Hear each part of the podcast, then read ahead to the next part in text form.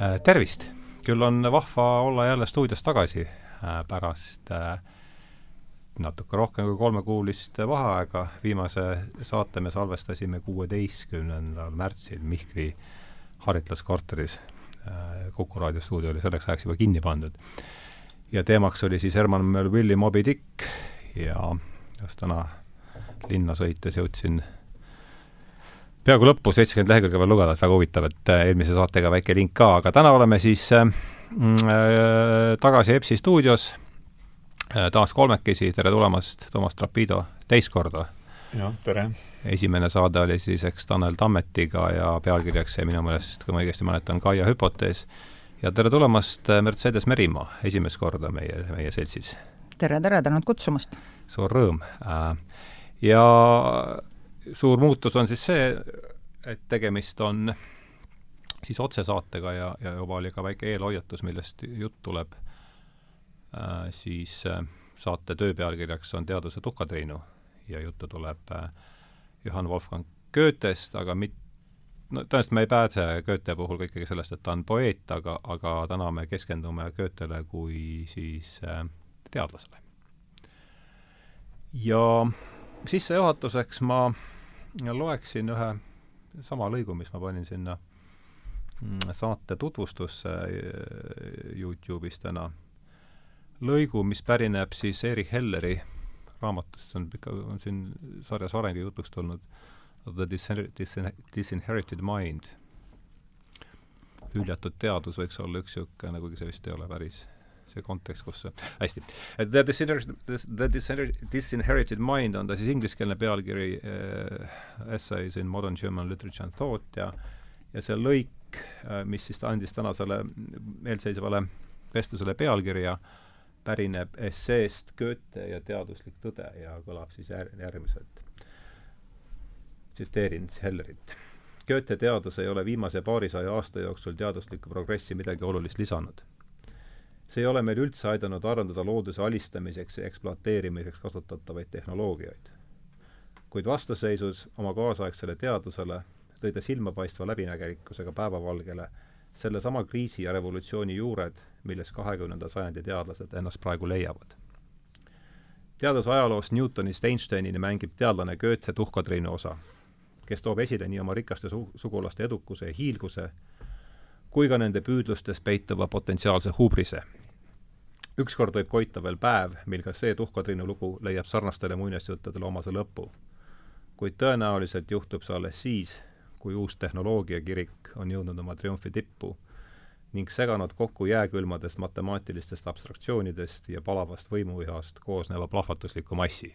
et kõlab päris apokalüptiliselt vähemasti, eks, et ma arvan, et see kusagil see viiekümnendatest aastast on tõenäoliselt see või kuuekümnendatest et äh, oli siis ammu teha plaan, plaan siis mul teha saade Goethest ja ja Toomaga me saime siis kokku mingi kuu aega tagasi ja arutasime, et kes siis võiks olla teine, teine saatekülaline ja jutt läks kohe siis äh, Mercedesele ja Mercedes oli nõus meiega ühinema, et äh, alustaks siis niimoodi, et öelge enda kohta ehk paar sõna sissejuhatuseks ja siis äh, katsume vaadata, kus, kuidas me selle jutu liikmele saame.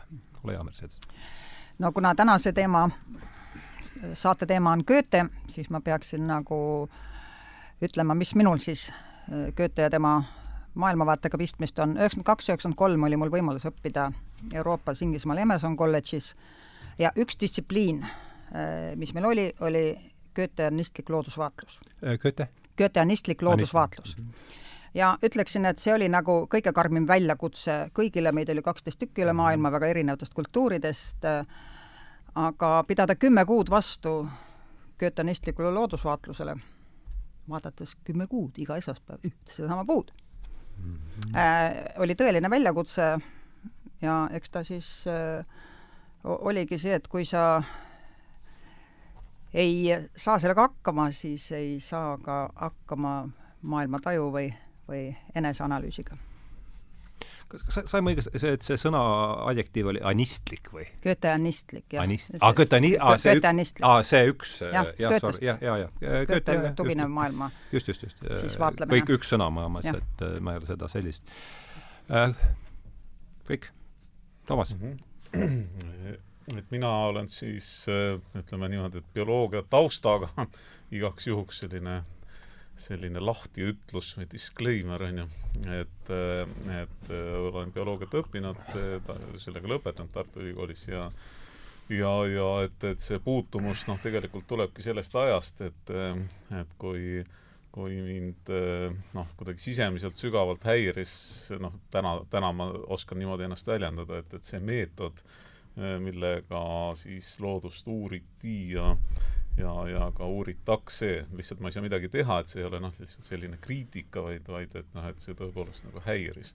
ja siis selle häiringu tulemusena noh, ma uurisin eh, tollal siis ka ülikooli sees ja, ja väljaspool, et, et missugused teised lähenemised on ja noh, jõudsin nii-öelda eh, noh, esimeste märksõnadeni ja, ja, ja, ja noh, Jakob von Üksküll ja siis noh, kogu see saksa koolkond Äh, Schiller, Goethe, et, et jooksid läbi, et ma ei saanud sellest tollal nagu sisuliselt mitte midagi aru, aga, aga aga, aga läksin Kalevi Kulli meeskonda ja korraldasime seal noh, tema eestvedamisel igasugu äh, igasugu sündmusi ja, ja et, et, et sealt äh, noh, ütleme nagu mõnes mõttes võib öelda, et on üks algus sellele loole.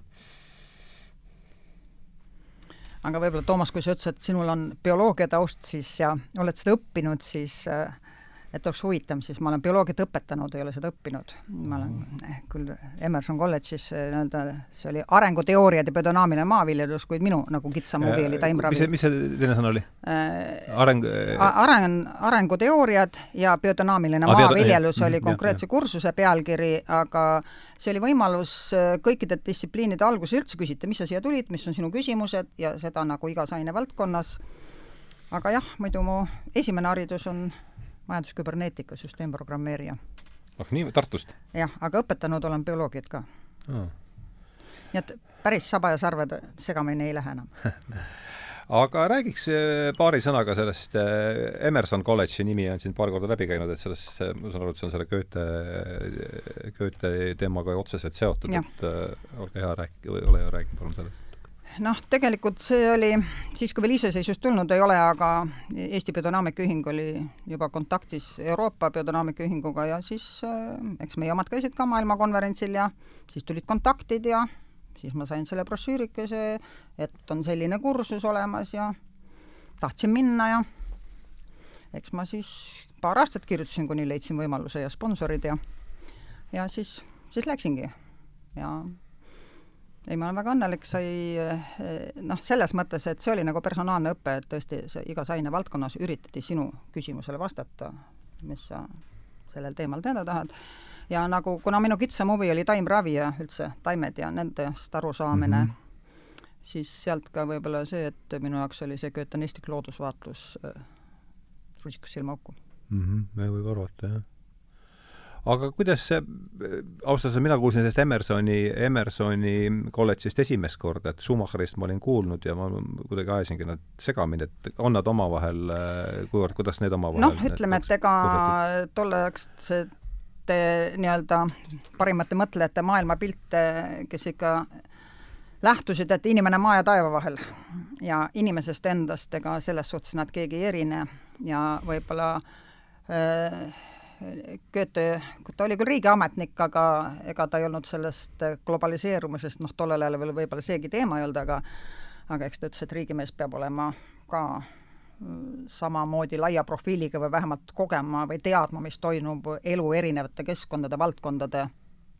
tasandil või ühiskondlikus elus ja igal pool, nii et äh, selles mõttes võib-olla mingid paralleelid tema taimede metamorfooside, kõige sellega, et kõik on tegelikult muutuses erinevatel tasemetel, erinevates suurustes.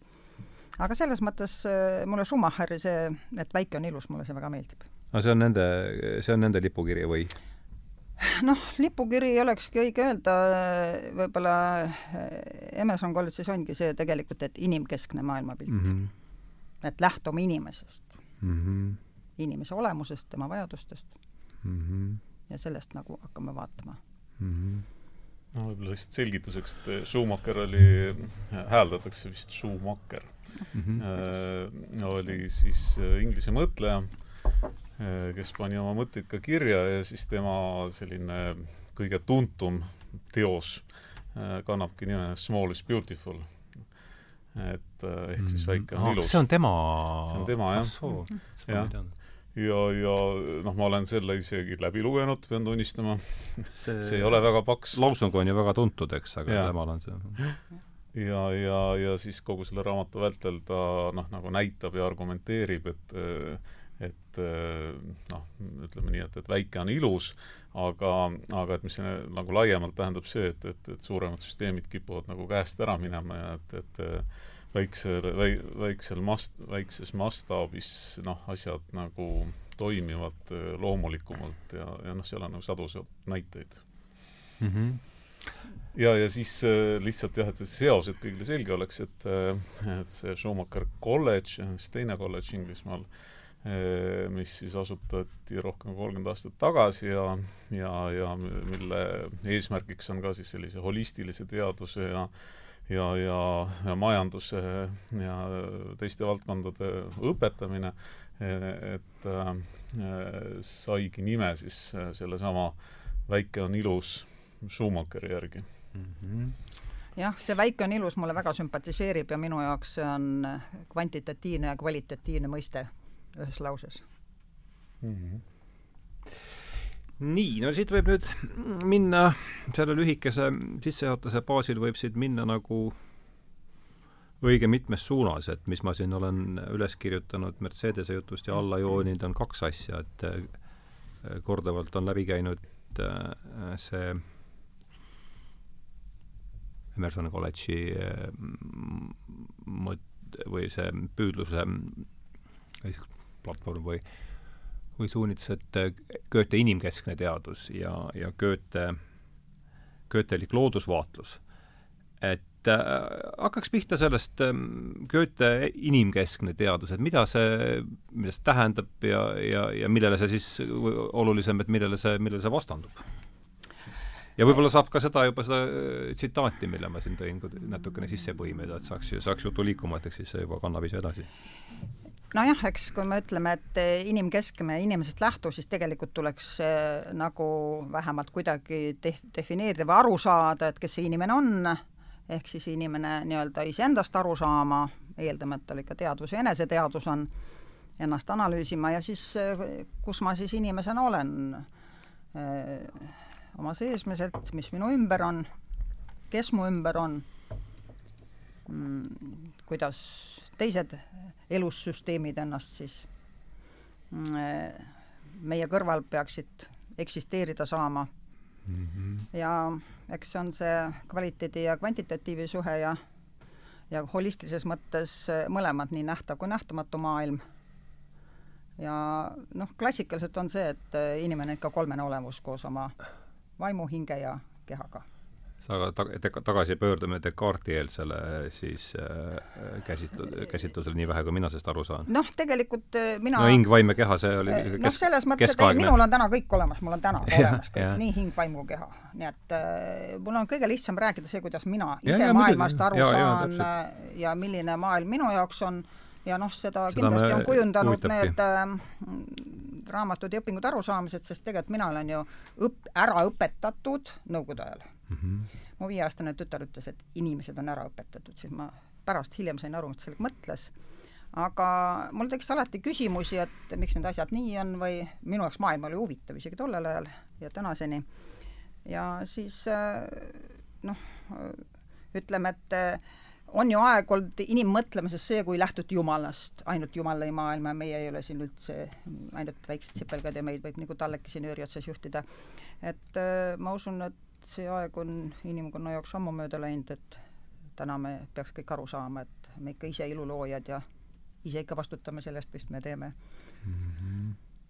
ja ikka toitu vajavad kõik, nii vaim, hing kui keha ja, ja sellest ka vastavad siis ühiskonna ja majandusreeglid ja mm -hmm. kokkulepped mm. -hmm. et ma võin rääkida jah, et kuidas ma olen sellest aru saanud, et ma olen äh, veel kord eh, selle arusaamise üpris alguses ja Eestis on, eh, ma ei tea, Linnar Priimägi ilmselt, kes näiteks miljon korda rohkem Goethest teab, aga, aga midagi, midagi siiski ma olen aru saanud. et, eh, et Goethe oli ka, on ju, väga noh, väga loominguline inimene, väga uuriva vaimuga ja püüdis maailmast aru saada ja, ja, ja arusaadavalt siis selle püüdluse käigus tegeles ka noh, nii-öelda filosoofiaga.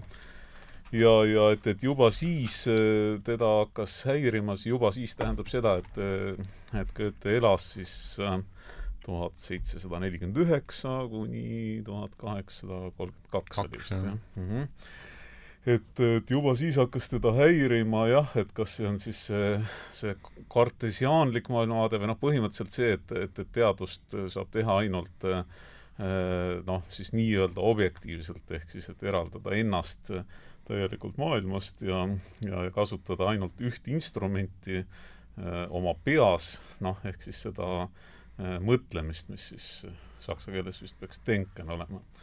ja, ja Äh, et noh, tänaseks on juba noh, üpris siis laialt levinud, äh, levimas on ju selline laiem arusaam inimesest, et, äh, et mis, mida kujutab endast inimese sisemaailm ja, ja noh, ette rutates, et, et Goethe puhul siin tulidki mitu i-tähega elementi, mida, mida teadus tavaliselt ei kasuta. Noh, inglise keeles on nad vähemalt i-tähega, ilmselt ka saksa keeles paljugi, paljuski, et, et kujutlusvõime, imagination äh,, inspiratsioon, inspiration äh,, insight ehk siis taipamine äh, ja üks asi oli veel. Ei tulegi kohe kõik meelde. Äh, ja mm, -hmm. ja noh, et see suur asi nagu ongi see, et, et, et, et Goethe sai aru, nagu ka teised inimesed on aru saanud, et, et need asjad on noh, nagu olemas, need on sisemaailmas olemas, neid saab eristada, noh, et, et, et, et inspiratsioon ja, ja taipamine ja et ja kujutlusvõime, et need on noh, nagu erinevad siis tööriistad või, või mingid erinevad kvaliteedid inimese sees ja mm, -hmm. ja et kui nad olemas on, noh, et, et siis miks mitte neid, mitte, miks mitte neid kasutada, vaid neid, neid nagu peakski kasutama. sellepärast, et noh, siis lähebki juba nagu aste sügavamale, et et, et, et noh, et need instrumendid on noh, ütleme siis nagu laiemalt siis maailma haaravamad kui, kui ainult see mõtlemine. mõtlemine on okei okay,, aga ta on ainult üks noh, riist selles nagu tööriistakastis ja, ja noh, ma saan aru, et, et sealt nagu tuli siis see, see Goethe noh, alguses nagu häda selle teadusega ja siis, siis äh, püüdlused äh, noh, nagu ületada siis seda, seda, seda väga nagu kitsast äh, teaduse meetodit nojah, konventsionaalse teaduse meetod on minu jaoks väga kitsas king ja mul oma õpingute ajast tuleb nii eh, meelde seik, kus me siis Leeds University omadega kokku saime, siis tudengid omavahel arutavad kogu maailma pilti ja erinevaid usundeid ja nii edasi.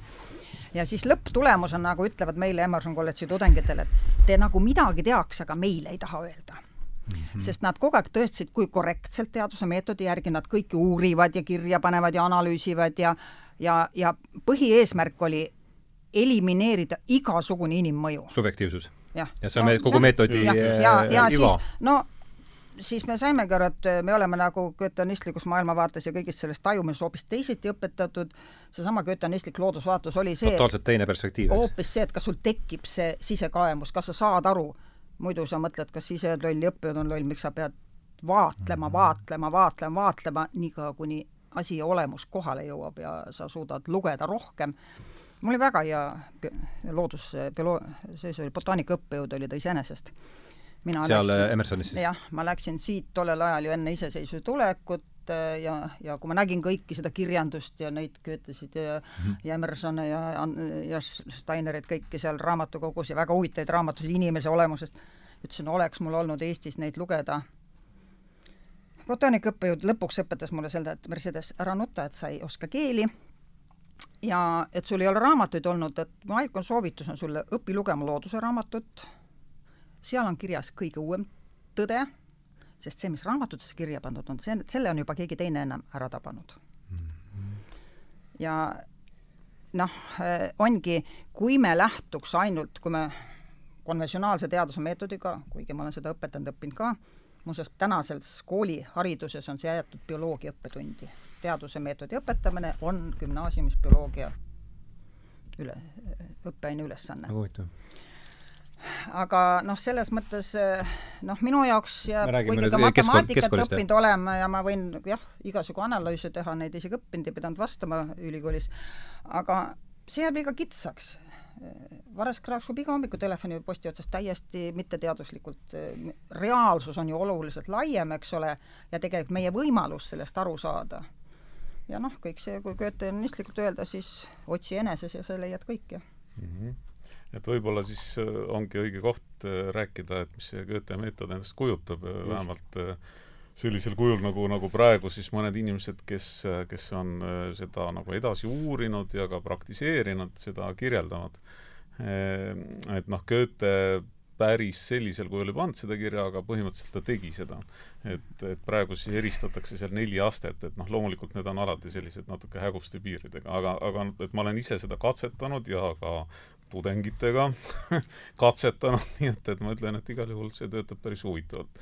Nii, et, äh, et esi- äh,, ole hea, ütle, neli astet on nüüd milles? ma korraks Goethe meetodis. Goethe meetodis, nii, väga hea, aitäh et, et esimene on siis hästi täpne vaatlus, noh ilmselt mida Mercedes kümme äh, kuud tegi, on ju.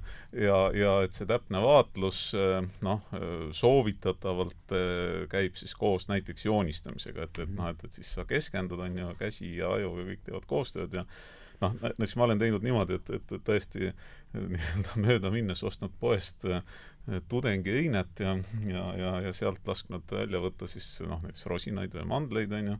Ja, ja, ja siis lasknud äh, joonistada neid, noh, näiteks pool tundi kõik joonistame, ise ka joonistan, väga huvitav on ju, seda rosinat üles. Hm. ja, ja, ja, ja siis, siis, siis noh, inimene tõesti noh, nagu keskendub sellele ja proovib leida noh, kõiki detaile, mis seal üldse nagu leitavad on, on ju. nii, see on siis esimene faas. Äh, siis, siis teine faas on äh, Äh, äh, siis lülitada sisse oma kujutlusvõime, sellepärast et noh, võtame selle rosina näite. et, et rosin on siis teatavasti viinamarja vili, mis on siis kuivanud või kuivatatud, nii, ja, ja ta ongi nagu sõna otseses mõttes äh, noh, nagu üks selline pilt ajas, on ju, või noh, väljavõte, on ju, mingisugusest pikast ajalisest perioodist et seal ei ole midagi moment üles võtta? jah, moment üles võtta, jah. et viinamarja põõsast või puust või, või noh, mitte midagi, on ju. Et, et ja siis lülitada sisse kujutlusvõime ja, ja kujutada ette, et, et noh, et kuidas näiteks konkreetselt selle rosina äh, noh, elu on siiamaani kulgenud ja mis tast edasi võiks saada Eh, niimoodi, et, et, et nagu kujutleda ette noh, näiteks elutsüklit taime puhul või ka looma puhul nii, see on siis teine faas. Äh, siis äh, kolmas faas on, on siis jällegi teha nagu sisemine lülitus ja, ja noh, nagu põhimõtteliselt vaigistada kõik oma nagu mõtted ja kujutlused ja kõik. Ja nüüd kõlab nüüd nagu imelikult, aga et, et põhimõtteliselt olla avatud sellele, mida, mida see rosin sulle tahab öelda olla avatud, äh, kuidas ma selle kirja panema saan, olla avatud, äh, astuda oma rosinaga dialoogi. jah, absoluutselt, ei isegi mitte dialoogi, vaid kuulata teda. aa, kuulata jah, jah, mitte dialoogi, jah. selge, aa jah, seda tähendab, et pat-, pat-. see on nagu see taipamiste koht, et, et, et sealt või ähm, lülita sisse oma kujutlusvõime, kuula hoolega rosinat. just, kuula hoolega rosinat, täpselt. ja ma arvan, et, et sellised noh, nagu veidike lõbusad äh, lausendid nagu ei ole üldse valed. ei tee kahjuks. ei tule kahjuks. just. ja, ja, ja et sealt, sealt ongi, et noh, et, et sealt võivad tulla mingid taipamised, noh näiteks äh, tõesti tema, tema elutsükli ja, ja vormide ja mille iganes kohta, et mis, mis noh, ei tule nagu lihtsalt niimoodi mõeldes mm. -hmm ja, ja siis neljas on noh, nagu mõnes mõttes kõige müstilisem faas, et, et ja noh, tegelikult ta on nagu selle kolmandaga üpris orgaaniliselt seotud, aga, aga, aga see on siis see, et, et, et, et püüa siis noh, kuidagi nagu samastuda selle rosinaga mm. aseta ennast rosina kingadesse. Eh, noh, isegi mitte päris, aga, aga pigem seda ühtsust nagu tajuda ja aa ja ühtsuse mõte, jah Mm -hmm. ja, ja siis, et, et kuhu, kuhu see nagu viinud on, on see, et, et või noh, millest Goethe rääkis, oli see, et, et, et sellise meetodi abil, et võib siis see uurija nagu jõuda selliste äh, ürgvormide, ta nimetaski neid urgvorme, jah, see on väga, sellest tahaks teada rohkem. just, nagu arhetüüpide või ürgvormide noh, nagu, tajumiseni või taipamiseni, et, et on olemas mingisugused ürgvormid näiteks taimede puhul, noh, Goethe jõudis siis leheni, et, et leht on kõige alus, et lehest arenevad noh, lehe, lehe noh, nagu leht kui arhetüüp, et le-, et, et lehest arenevad kõik muud organid. sa, ma küsin vahele igast, ma saan aru, et selle meetodi eesmärk, selle neljaosalise meetodi eesmärgiks on nüüd jõuda siis selle ur-, urformini või? no, no lihtsalt ütlen jah, et, et, et, et, et võib öelda jah, aga et, et pigem on eesmärgiks jõuda võimalikult siis noh, nagu suure või, või sügava siis täpsemalt maailma tajuni, sellest arusaamiseni mm. -hmm jah, võib-olla ma siis -hmm. kirjeldaksin seda loomkatset enda peal, mis me mhm. tegime seal kõike, et esimene etapp oli jah, see vaatlemine ja väga täpne vaatlemine ja ega me joonistasime teda üksinda ja koos ja, ja mõtlesime, huvitav, mis puu see võiks olla, sest me alustasime siis, kui puu oli raagus. ei lehti küljes ega midagi. ja üleüldiselt ega me keegi ei teadnud, mis see puu on, vähemalt mina küll mitte. ja siis sai temast kirjutatud luuletusi ja hmm ja järgmine kord vaadatud teda idast, lõunast ja läänest ja hmm. seest ja väljast ja kõike muud ja ja ega siis me ise analüüsisime iseennast ka, kuidas me siis ennast tunneme ja, ja mis sa siis mõtlesid sellest puust või see, kui sa jõuad selleni, kas puu sinuga räägib, eh, noh, üks asi on, me võime öelda, räägib või kas sa hakkad nägema midagi rohkem, noh, mis sa siiamaani oma arust sa olid juba kõik nii täpselt ära vaadanud, ma mäletan seda momenti, kui ma hakkasin nägema rohkem, kui ma olin kaks kuud näinud mm. või kolm kuud kuskil seal ja kuna minu küsimus õppejõule oli see, et ma tahtsin nagu, taimravi oli minu kitsam huvi ja minu põhiküsimus oli see, et aga kuidas need esimesed, kes on kõik need taimeraamatud mm. kirjutanud, milline taim millise probleemi puhul meile appi tuleb, aga kuidas nad esimest korda seda ära taipasid mm? -hmm. kuidas see taipamine jõudis kohale, et keegi pidi ju esimesena kirjutama aga jah, see oli see, mille Pähklid andis mul lahendada viimase seminaril siis ta ütles, et Mercedesel oli kümme kuud tagasi siin selline küsimus ja siis ta ütles mulle ainult, et okei okay,, viimast seminari juhendad sina ja ma ütlen sulle ainult nii palju ette, et me läheme välja. et äh, jah, ja siis ma sain selle ülesande lahendada, aga ma hakkasin kõik kirjeldama, aga jah, me, need kõik need äh, neli etappi kogu selle protsessi juhul tuli läbida ja no siis, kes, kes mitmenda etapini jõudis selle kümne kuuga aga eh, ma pean ütlema, et mina, kes ma olin koolituse saanud, eks ole, läbinud keskkoolid, algkoolid ja majandusküberneetika, tollel ajal küll oma arust väga tubli mõtleja, no sinna jõudis kahelda ikka väga, et mis ma, mis ülesande ma ette olen võtnud, eriti kes on võib-olla selles äh, matemaatikas ja selles konkreetses mõtlemise analüüsiteaduses ennast ära õppinud, et aga ei, õnneks ma olin ka muusikaga tegelenud, nii et see mm -hmm. mida mäng-, mis sa, mida mängid? Ma olen kakskümmend viis aastat Metsasarvel mänginud ja muusikakooliga lõpetanud selle ära, jah mm,. Mm. aga no et vaata hästi, äh, siis Goethe, neli aastat äh, Goethe vaatluse, ma kordan nüüd üle, see on oluline mm, -hmm. eks, et kõigepealt täpne vaatlus, soovitavalt koos joonistamisega. teine, lülita sisse oma kujutlusvõime. kolmas, kuula hoole, võtame rosina nüüd, et kuula hoolega rosinat ja neljas siis tunneta kuidagi, et sa oled mingis mõttes rosinaga sugulane mm. -hmm. täpselt, kusjuures nagu indiaanlased ütlevad jah, et kõik Just. me oleme sugulased. ja, ja, ja, ja eesmärk on jõuda siis selle urformini ehk sa ütlesid, mingi uue maailmatajuni, uue vaatenurgana. aga ma, enne kui ma, ma tahaks ühe küsimuse veel sisse visata, et siis et kui ma nüüd mitte ei pane ennast rosina kingadesse, vaid konventsionaalse teadlase kingadesse, siis ma ütleks, see on ju jama, et esiteks on see, et, et meil on kõigil erinev pilt, kui me hakkame seda vaatama ja kas ei ole mitte õige viis rosinat vaadata niimoodi, et me jahvatame ta pulbriks, eraldame sealt siis ensüümid ja hakkame siis äh, DNA abil äh, jõuame äh, õigema, see on ju see, mis sellele, millele see Goethe meetod mm -hmm. vastandub, eks ma kujutan ette, et ega te see noh, sellist juttu te kuulete ju alailma, eks? No, no Goethe ise rääkis ka sellest, et, et noh, tollal juba on ju uuriti siis, siis mitte elusat loodust on ju väga suure hooga, on ju, kõik Newtonid ja mm, -hmm. ja mhm. kes, kes kogu see seltskond oli ja, ja, ja noh, et jõutigi väga, väga heade tulemusteni, ehk siis uuritigi väga palju välja, nii, aga, aga Goethe tajus seda, et et, et ühesõnaga, et ei saa sama meetodit kasutada noh, nii nii-öelda siis eluta maailma ja, ja elu, eluslooduse uurimisel ja, ja et, et siin ta tegi suure vahe sisse. ja, ja siin tulebki täpselt sama moment, mida sa noh, nagu niimoodi provokatiivselt integr-, intrigeerivalt kirjeldasid, on ju, et et, et kas me saame kõiki asju uurida noh, nii-öelda neid tükkideks lahti võttes ja siis midagi arvates, et, et noh, et võtame, ma ei tea, okei okay,, ma räägin endast, näiteks võtame minu lahti, uurime siis minu neuroneid ja kas me siis saame nagu aru, et et miks ma räägin sellist juttu ja mõtlen neid mõtteid, et nagu ma mõtlen, et noh, et ilmselt noh, siiamaani see ei ole õnnestunud ja tõenäoliselt ei õnnestu ka, on ju, ja, ja, ja ja noh, et siis, siis Goethe jõudiski selleni, et, et, et noh, ütleme siis nagu elus loodust, elusorganisme tuleb lihtsalt uurida hoopis teisel moel ja kasutada selleks seda, mis meil on nendega ühist, ehk siis noh, nagu laiemas mõttes teadvust, mis on inimesel noh, nagu eriti hästi välja arenenud. ja sellesama teema näiteks noh, olles viisteist aastat ka gümnaasiumiastmes bioloogiat õpetanud, ega tudengid ja lapsed õpeta-, noh, küsivad samu küsimusi, siis ma alati teen lihtsa näite, et jah, me tänasel päeval võime, võtame ühe porgandi, me võime ta molekülidest lahti võtta, me võime öelda, mis seal on, palju kaltsiumit, palju magneesiumit või kõik, kogu selle Mendelejevi tabeli, nii palju, kui see konkreetne porgand sisaldab, kõik ära analüüsida, mikron- ja milligrammi pealt, ei ole probleem.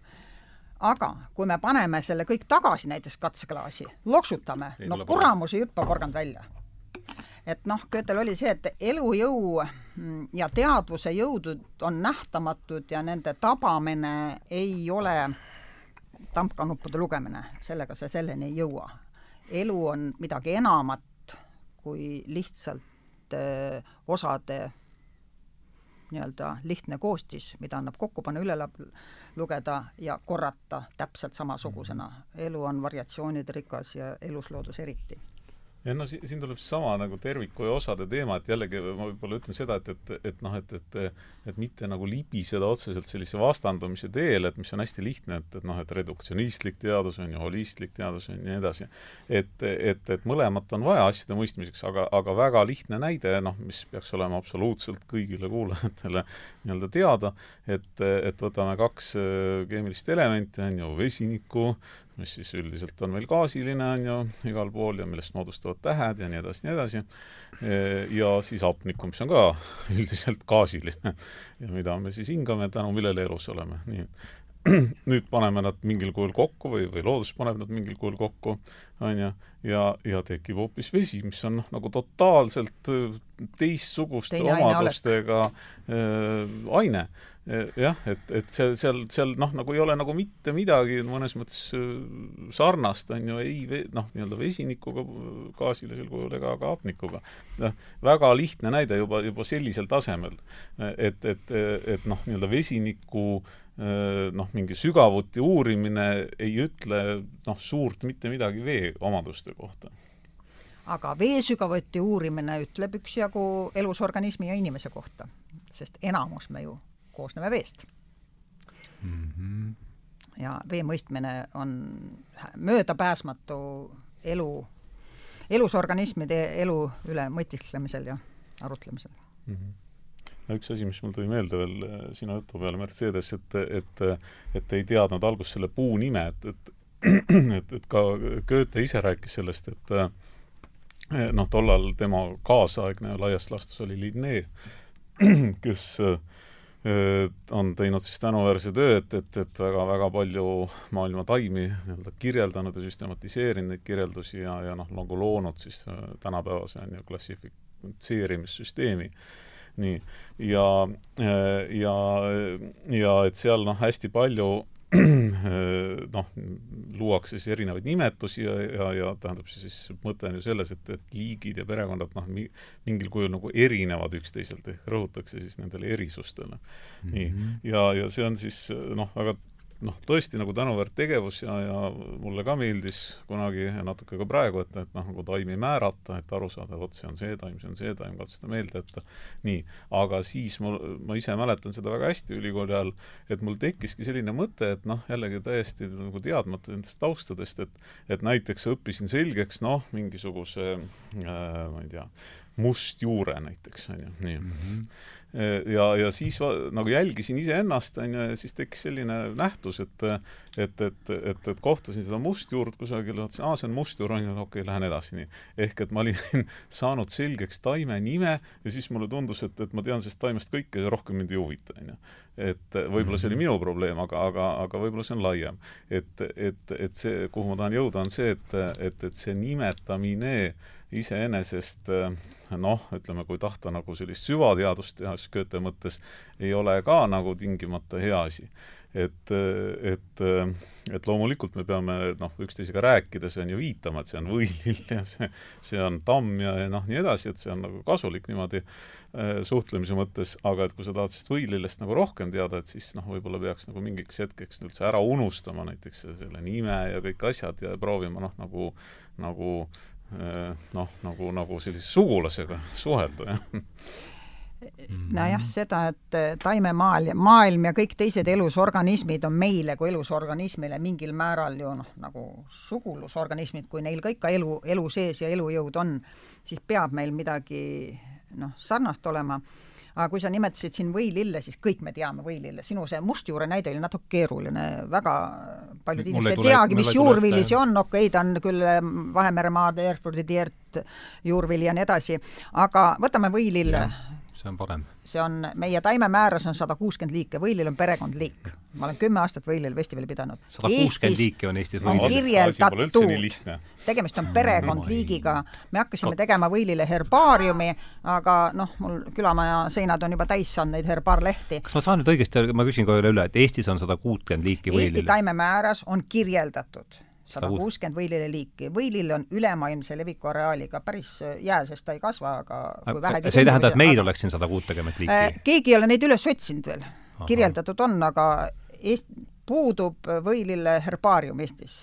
see on liiga keeruline, sest seal lõpuks, äh, ma ei tea, ja see ei ole ka minu ülesanne, aga ma olen huvi pärast hakanud vaatama, palju oma õuest leiad ja palju ma sealt külamaja õuest leian, aga noh, siis mul sai ka isu pärast paarikümmend, kolmkümmend otsa et siis hakkasid need vahed liiga spetsiifiliseks minema, et elus on muudki huvitavat, aga iseenesest eh, just eile mul oli ka loeng ja, ja keegi ütles, et Mercedes, sa vist räägid taimedega mm,.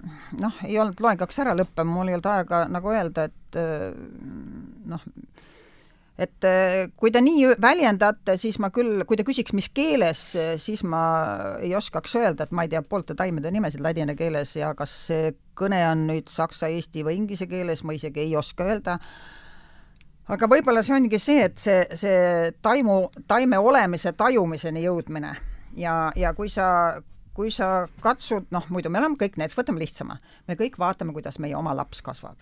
Algul ta on noor ja väike kuidas ta muutub ja kõik see ja, ja kui kaua näinud ei ole, siis ta on hästi palju muutunud. aga kui sa nüüd vaatad ühte lihtsat taime, no vaatame seda võilille, eks ole, me teame ka, millal tänava võitsma hakkab või vähemalt annab meile kõigile märku oma kollast õitega, eks ole. aga palju meil talle tähelepanu jagub? aga ja, ja mis on siis võilille iseloom? no võtame jälle paralleelseks lapse, eks ole, siis me teame, areneb ja kes jonnib ja kes ei jonni ja kes saab siis kunagi minu, minu, minu ja eneseteadlikuks ja vähemalt see, et need on tema mänguasjad või minu emme või aga taimega on natuke keerulisem, esiteks ta ei räägi sulle vastu, aga ta võib sinuga suhelda küll. et eh, selles mõttes eh, inimestega on natuke lihtsam, eh, kui nad on vähemalt kõne ära õppinud, no inimene on sotsiaalne olend, siis nagu verbaalset ja, ja kehakeelega rääkides on nagu lihtsam mõista. aga nende ülejäänud eluslooduse kuningriikidega, noh, loomadega võib-olla me väga hästi teame, osad on koerainimesed, osa me ütlemegi loomainimesed, kes tajuvad, eks ole, loomade olemust ja hinge. no osa uurivad taimi ja osa saavad nendega nagu aru. aga jah. tuleb meelde see Terence McKenna, McKenna lause siin eelmine aasta oli üle, või üle-eelmine aasta juba, Psyche Rance'il, et plants speak chemistry, et on siis, taimed kõnelevad keemiakeeles. Üks, üks võimalus on jah, nad re-, reageerivad no,. tennis jah, muidugi tennis jah ja., vabandust äh,. Nad reageerivad, üks lihtne katse, mis ma selle peale alati ütlen, et võtke kirju nõges, mis on potitaim, mida kõik teavad, viige oma tuppa ja kui teil peaks olema juhuslikult väga eklektiline psühhokliima ruumis mm, -hmm. siis kui see läheb negatiivseks, siis äh, kirjunõges üldjuhul kavatseb oma värvid kaotada.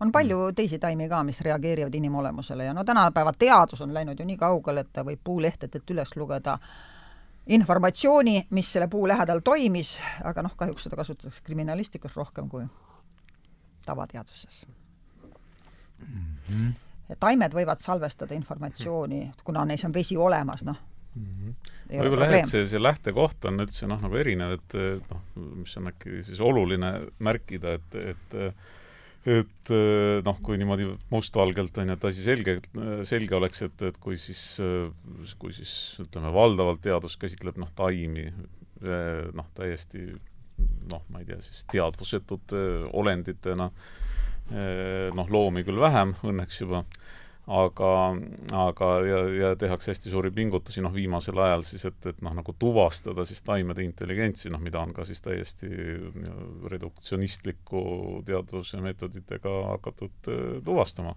ja ei noh, see ei ole üldse noh, selles mõttes enam mingisugune mingisugune uudis, et, et, et taimed ähm, noh, käituvadki väga-väga intelligentselt, noh, mingid lihtsad näited võib-olla on see, et, et, et näiteks kui mingid kitsed äh, või, või muud sõralised, on ju, hakkavad äh, kusagilt äh, mingisuguseid lehti näksima põõsa või, või puu küljest, on ju, siis siis see, see puu juba täpselt nagu saadabki keemilised signaalid teistele puudele mm, -hmm. kes siis, kes siis äh, äh, saadavad oma lehtedesse siis äh, selliseid aineid, mis kitsele ei meeldi et noh, lihtsalt ühe näitena, mis on tõesti näidatud, et kuidas see, kuidas see toimib et, ähm, et aga, aga mis ma tahan öelda, on see, et, et lihtsalt nagu mõtteeksperimendina, et miks mitte, on ju, lähtuda, lähtuda nagu sellest äh, seisukohast, millest on lähtunud siis, ma ei tea, enamus rahvaid maailmas, et, et, et kogu loodus ongi hingestatud ja teadvuslik, ehk et et olemuslikult me saamegi nagu kõigi ja kõigega mingil kujul suhelda. et, et lihtsalt mõttemänguna, noh, kui nüüd seda mõelda, et see no, ongi nagu väga-väga teistsugune äh, lähtekoht, et me ei hakka noh, nagu kõigepealt kedagi nagu pulbriks jahvatama, vaid võib-olla küsime, et et, et, et, et räägi mulle mingisugusest asjast midagi, on ju ja, ja veel üks asi, et, et väga huvitav kusjuures, et sa rääkis sellest äh, enda küsimusest, et, et, et kuidas siis need kunagised noh, ütleme siis taimede kasutusotstarbeta esmaavastajad noh, nagu avastasid selle. et et mina tegin äh, täiesti juhuslikult kolmanda kursuse töö sel teemal Kalevi kulli juhendamisel ja see on tänaseks kahjuks kadunud, ma, ma tahan seda üles leida. aga, aga see just lähtus samast või noh, väga sarnasest küsimust, et kuidas siis noh, kas nimetame neid šamaanideks või teadjateks või ravitsejateks, et kuidas nad leidsid üles siis need taimed, mis äh, mingite haiguste puhul tõesti äh, mõju omavad. Et, et noh, et, et mulle tundus endale no noh, väga nagu imelik siis no ma ei tea, ütleme siis selline, selline, selline lähenemine, et, et et ütleme siis ravitseja tahab hakata mingit ra haigust ravima ja siis lihtsalt hakkab järjest taimi korjama ja siis katsetama, on ju et noh, et, et nii eriti kaugele sellega ei jõua.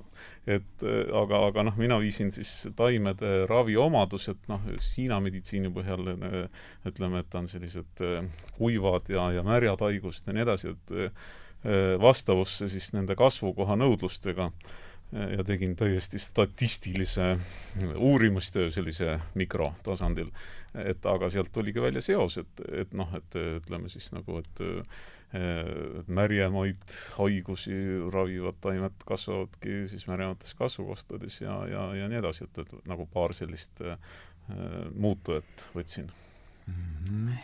jah, eks äh, nii, nii nagu keskkond mõjutab meid, ega, ega me võime oma sisemaailmas mõelda asju, me võime isegi mõista, kuidas teise olendi sisemaailm ka võiks käituda ja siis veel on paratamatusega mõju, eks ole, see väliskeskkond äh,, Äh, noh, ma usun, et äh, mitte, mitte kõik meist ei suuda vihma esile kutsuda või vihma peatada, eks ole, et osade stihjate ees, aga stihjatega nii-öelda sina sõbraks saada on küll võimalik ja seda oskavad väga paljud meie hulgast.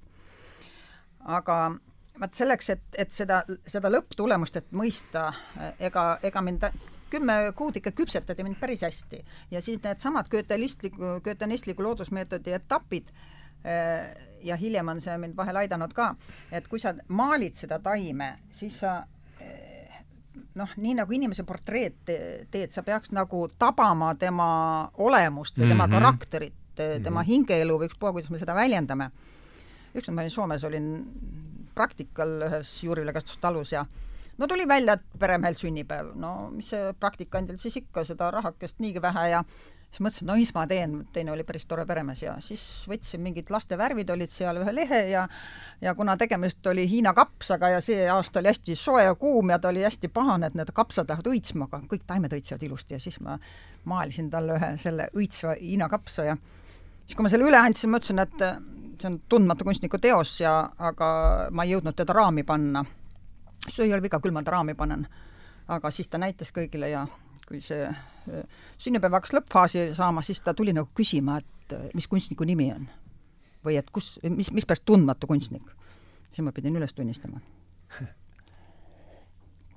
aga ei, siis ta, siis ta sai aru, et isegi kui ta kapsapõllul vaatab, et need kurat, miks nad õitsma lähevad, ma ei saa neid ju turul müüa. aga kui pildi peal vaatas, päris ilus teine. siis ta võib-olla hakkas ka natukene teistmoodi taime suhtuma oma, oma kapsastesse. teistmoodi vormi tajuma jah, midagi teistmoodi tajuma, aga, aga kui me, kui me ei sellise tähelepanuga või seesama, miks oli Goethel nii oluline, et joonista mm -hmm. või kuula või no paljude jaoks maailm heliseb. noh, ma tean mhm. meie siin lugupeetud muusikuid, kes ütlebki, et minu jaoks maailm heliseb lihtsalt. no ma pean ikka väga hästi kõrva teritama, siis ikka hakkab ka helisema midagi, jah aga eks meil kõigil oma tugevad-nõrgad küljed, aga, aga seesama suhtlemine ja tähelepanuga suhtlemine ja no siis jah, lõpuks võib jõuda sinna, et sa tajud, mis sinus ja mis temas on ühist ja siis sa tabad ka, kuidas ta saaks sulle appi tulla või aidata. No ma saan aru, et see põhiline, kas niisugune vastandipaar ja, ja ma olen nõus sellega, et äh, mõlemat on vaja, aga et kui me saaks üldse millestki rääkida, et siis ikkagi mingid skaalad paika panna, et üks skaala võiks siis olla see reduktsionistlik versus äh, holistlik teadus või? noh, ma ütleks, et ta isegi nagu selles mõttes skaala on, et, et, et, et noh, selle holistliku teaduse eestkõnelejad räägivad pigem sellest, et et noh, holistlik teadus juba, terviklik teadus siis nagu nii-öelda definitsiooni järgi noh, suudab ja võib-olla kõlab nagu ülbelt, on ju, aga suudab nagu rohkem seletada siis maailma komplekssust kui kui ainult redi-, reduktsionistlik, ühesõnaga, et, et see reduktsionistlik on nagu, nagu selle üks osa. no aga tegelikult minu jaoks oli väga raske, et tervik on ikka midagi enamat kui üks osa temast, see mm -hmm. tegelikult ei peakski nii väga raske olema aga noh, ilmselt siin on see inimlik nõrkus, et me tahaks nagu terviku puhul siis absoluutselt kõike mõista ja viimse lõpuni. Ja me ei suuda tunnistada, et e-, meil võib jääda midagi ka hoomamatuks. Jah, noh te, te, tegelikult see, see, see mm -hmm. noh, vastandus tänapäeval noh, ütleme, ei ole enam nii terav, kuigi jah, üksikute inimeste väljaütlemistest see kahtlemata on, et nagu meil e, vist ei olnud juttu, aga, aga et nagu, nagu on ju siis Rupert Sheldrake'i raamatut kutsuti üles, on ju, sisuliselt põletama Nature äh, juhtkirjas ja, ja noh, nii edasi, noh sellised nagu üksikud väljalöögid on, on nagu olemas. aga et, et kui meil eelmine kord oli juttu siis Gaia teooriast või, või hüpoteesist, et, et mis räägib sellest, et, et maakera on äh, elusa organismi tunnustega, ja et, et hoiab oma temperatuuri sobivas vahemikus ja, ja gaaside tasakaalu atmosfääris sobivana, et, et siis, et see on hea näide selles mõttes, et et, et, et noh, ütleme nii, et siis mõnede inimeste jaoks on see tõesti, kui ütled sõna Gaia nagu mingis teaduslikus kontekstis, et siis see on nagu punane rätik, noh, sõna otseses mõttes härjale. no see on juba, läheb kõik esoteerika ja, ja sihuke, sihuke no just, jah, jah, et, et kuidagi noh lülitub sisse mingisugune tohutu selline vastu nagu režiim, aga mis ma tahan öelda, on see, et et, et, et kuidas praegu noh, nagu uuritakse siis maakera süsteeme maakera kui te-, ühte suurt ökosüsteemi, aineringeid selle sees, on ju, et, et kasutamata kordagi sõna Gaia, kasutatakse näiteks Earth Systems nagu maasüsteemid või, või noh, nii edasi, nii edasi, mingeid teisi sõnu, aga, aga noh, sisuliselt räägitakse samadest asjadest, et et on olemas siis peavoolude te teaduse terminoloogias. Just, just jah, et, et hästi palju on, on, no kuidas seda öelda, et kas see on nüüd lapsik või mitte, aga, aga noh, nagu küsimus lihtsalt keelekasutuses, et, et kui sa noh, nagu me teame oma eludest ka, et, et kui sa räägid kellegiga nagu õigeid sõnu ja väldid neid, mis, mis teda ärritavad, et siis, siis saad nagu Jutud asjadest ole. rääkida, on ju, et jah. Mm -hmm jah, eks ta kipub olema nii, et kui mina jälle enda elu võtan, siis äh, ma pean tunnistama, et mu elus on ikka rohkem tõenäosuslikke asju kui kindlaid asju mm. -hmm ja jumal tänatud, et mõned unistused on tõeks saanud. kui ma läksin Inglismaale õppima, krooni tulekul, krooni ei olnud veel tulnud, ma pidin leidma sada kuuskümmend tuhat Eesti krooni. ja kui ma oleks mõelnud ainult raha peal, mul ei ole seda raha mitte kuskilt võtta, see, see ei ole võimalik. no ma ei ole miljonäri tütar ja kinnisvara ka ei olnud nii palju, aga ma leidsin selle raha, see raha tuli mulle aga kui ma ei oleks suutnud avaramalt mõelda kui numbrite arusaamine, mis see tähendab, mis see number tähendab, õnneks ma keeldusin selle numbri suurust tunnistamast, ma ütlesin, mina sinna kolledži ukse taha lendan ja see sai tõeks. Mhm. vaatamata kõikidele loogikatele. me ei saa ennast piirata, kui me hetkel ei saa mõningatest asjadest aru, muidu oleks mõtet üldse õppida, kui ma, kui sa kõiki juba jagad, siis oleks elu väga ebahuvitav õnneks me ei jaga kõiki, õnneks me ei saa kõigist aru ja selles siis ongi maailm huvitav, on vähemalt midagi siin teha. aga noh, vot see, ma kujutan ette, kui ma oleksin professoriks saanud, siis ilmselt oma kitsas ainevaldkonnas ikka katsuge mulle öelda, et ma ei jaga matsu mõnes asjas. aga eks see on see inimlik äh, ego, mis siis äh, keeldub ilmselt tunnistamast äh, midagi enamat kui inimene midagi kõrgemat. minu jaoks on maailm hierarhiline ikka veel. struktuur mm. -hmm. aga kui ma nüüd räägin sellistest vastandipaaridest, siis see, ma tahaks seda rõhutada, et see ei ole nüüd jälle mingi, kindlasti mitte mingi, et ma kasutan neid pigem arusaamise vahenditena kui mingi see, mingi muu jaoks, et et ikkagi ütleme siis Goethelik ja siis no Newtonlik, ma arvan, et Goethe ja Newtoni niisugune, ma üritan ikka mingit skaalat vast-, vastu paika panna, et saaks äh, ise lihtsalt aru paremini, et et ühe, ütleme siis selle Newtonliku metodolo- või meetodi iva on ju see, et igasugune subjektiivsus Out. välja, eks, ja Goethe vastupidi, ju kogu see, kogu meetod ju raja, kõik see nelja, neljameetodiline või neljasammuline metodoloogia tundub just, et mm -hmm. kõik lähtub äh, sellest subjekt-, subjektiivsusest. mitte ainult subjektiivsus, mõlemad, mõlemat mm. tuleb arvestada. just nimelt, ja see mulle väga meeldis, see, Charles Eisensteini mõte, mis ma siin hiljuti kuulsin, et, et reaalsus on dialoog mm,. Oh. see on minu meelest väga, väga lühidalt ja väga ilusti äh, pandud äh, paika. ja ma saan aru, et Goethe üritab seda dialoogi siis äh, no, anda meetodid, et kuidas, et, kuidas, asu, kuidas, kuidas nüüd asuda sellesse dialoogi või hakata seda dialoogi tajuma võib-olla jah, nii-öelda inimestena meil omavahel on seda lihtsam mõelda, aga nii kui me läheme teiste elus kuningriikide juurde, siis võib see minna keerulisemaks mm. -hmm. no alati me ei saa oma lemmikloomast ka aru, me ei saa oma lapsest aru, me ei saa mehest isegi aru, naisest ei saa alati aru, siis no mis sa veel siis selle kummeli või taimega või alpikanniga seal aknal.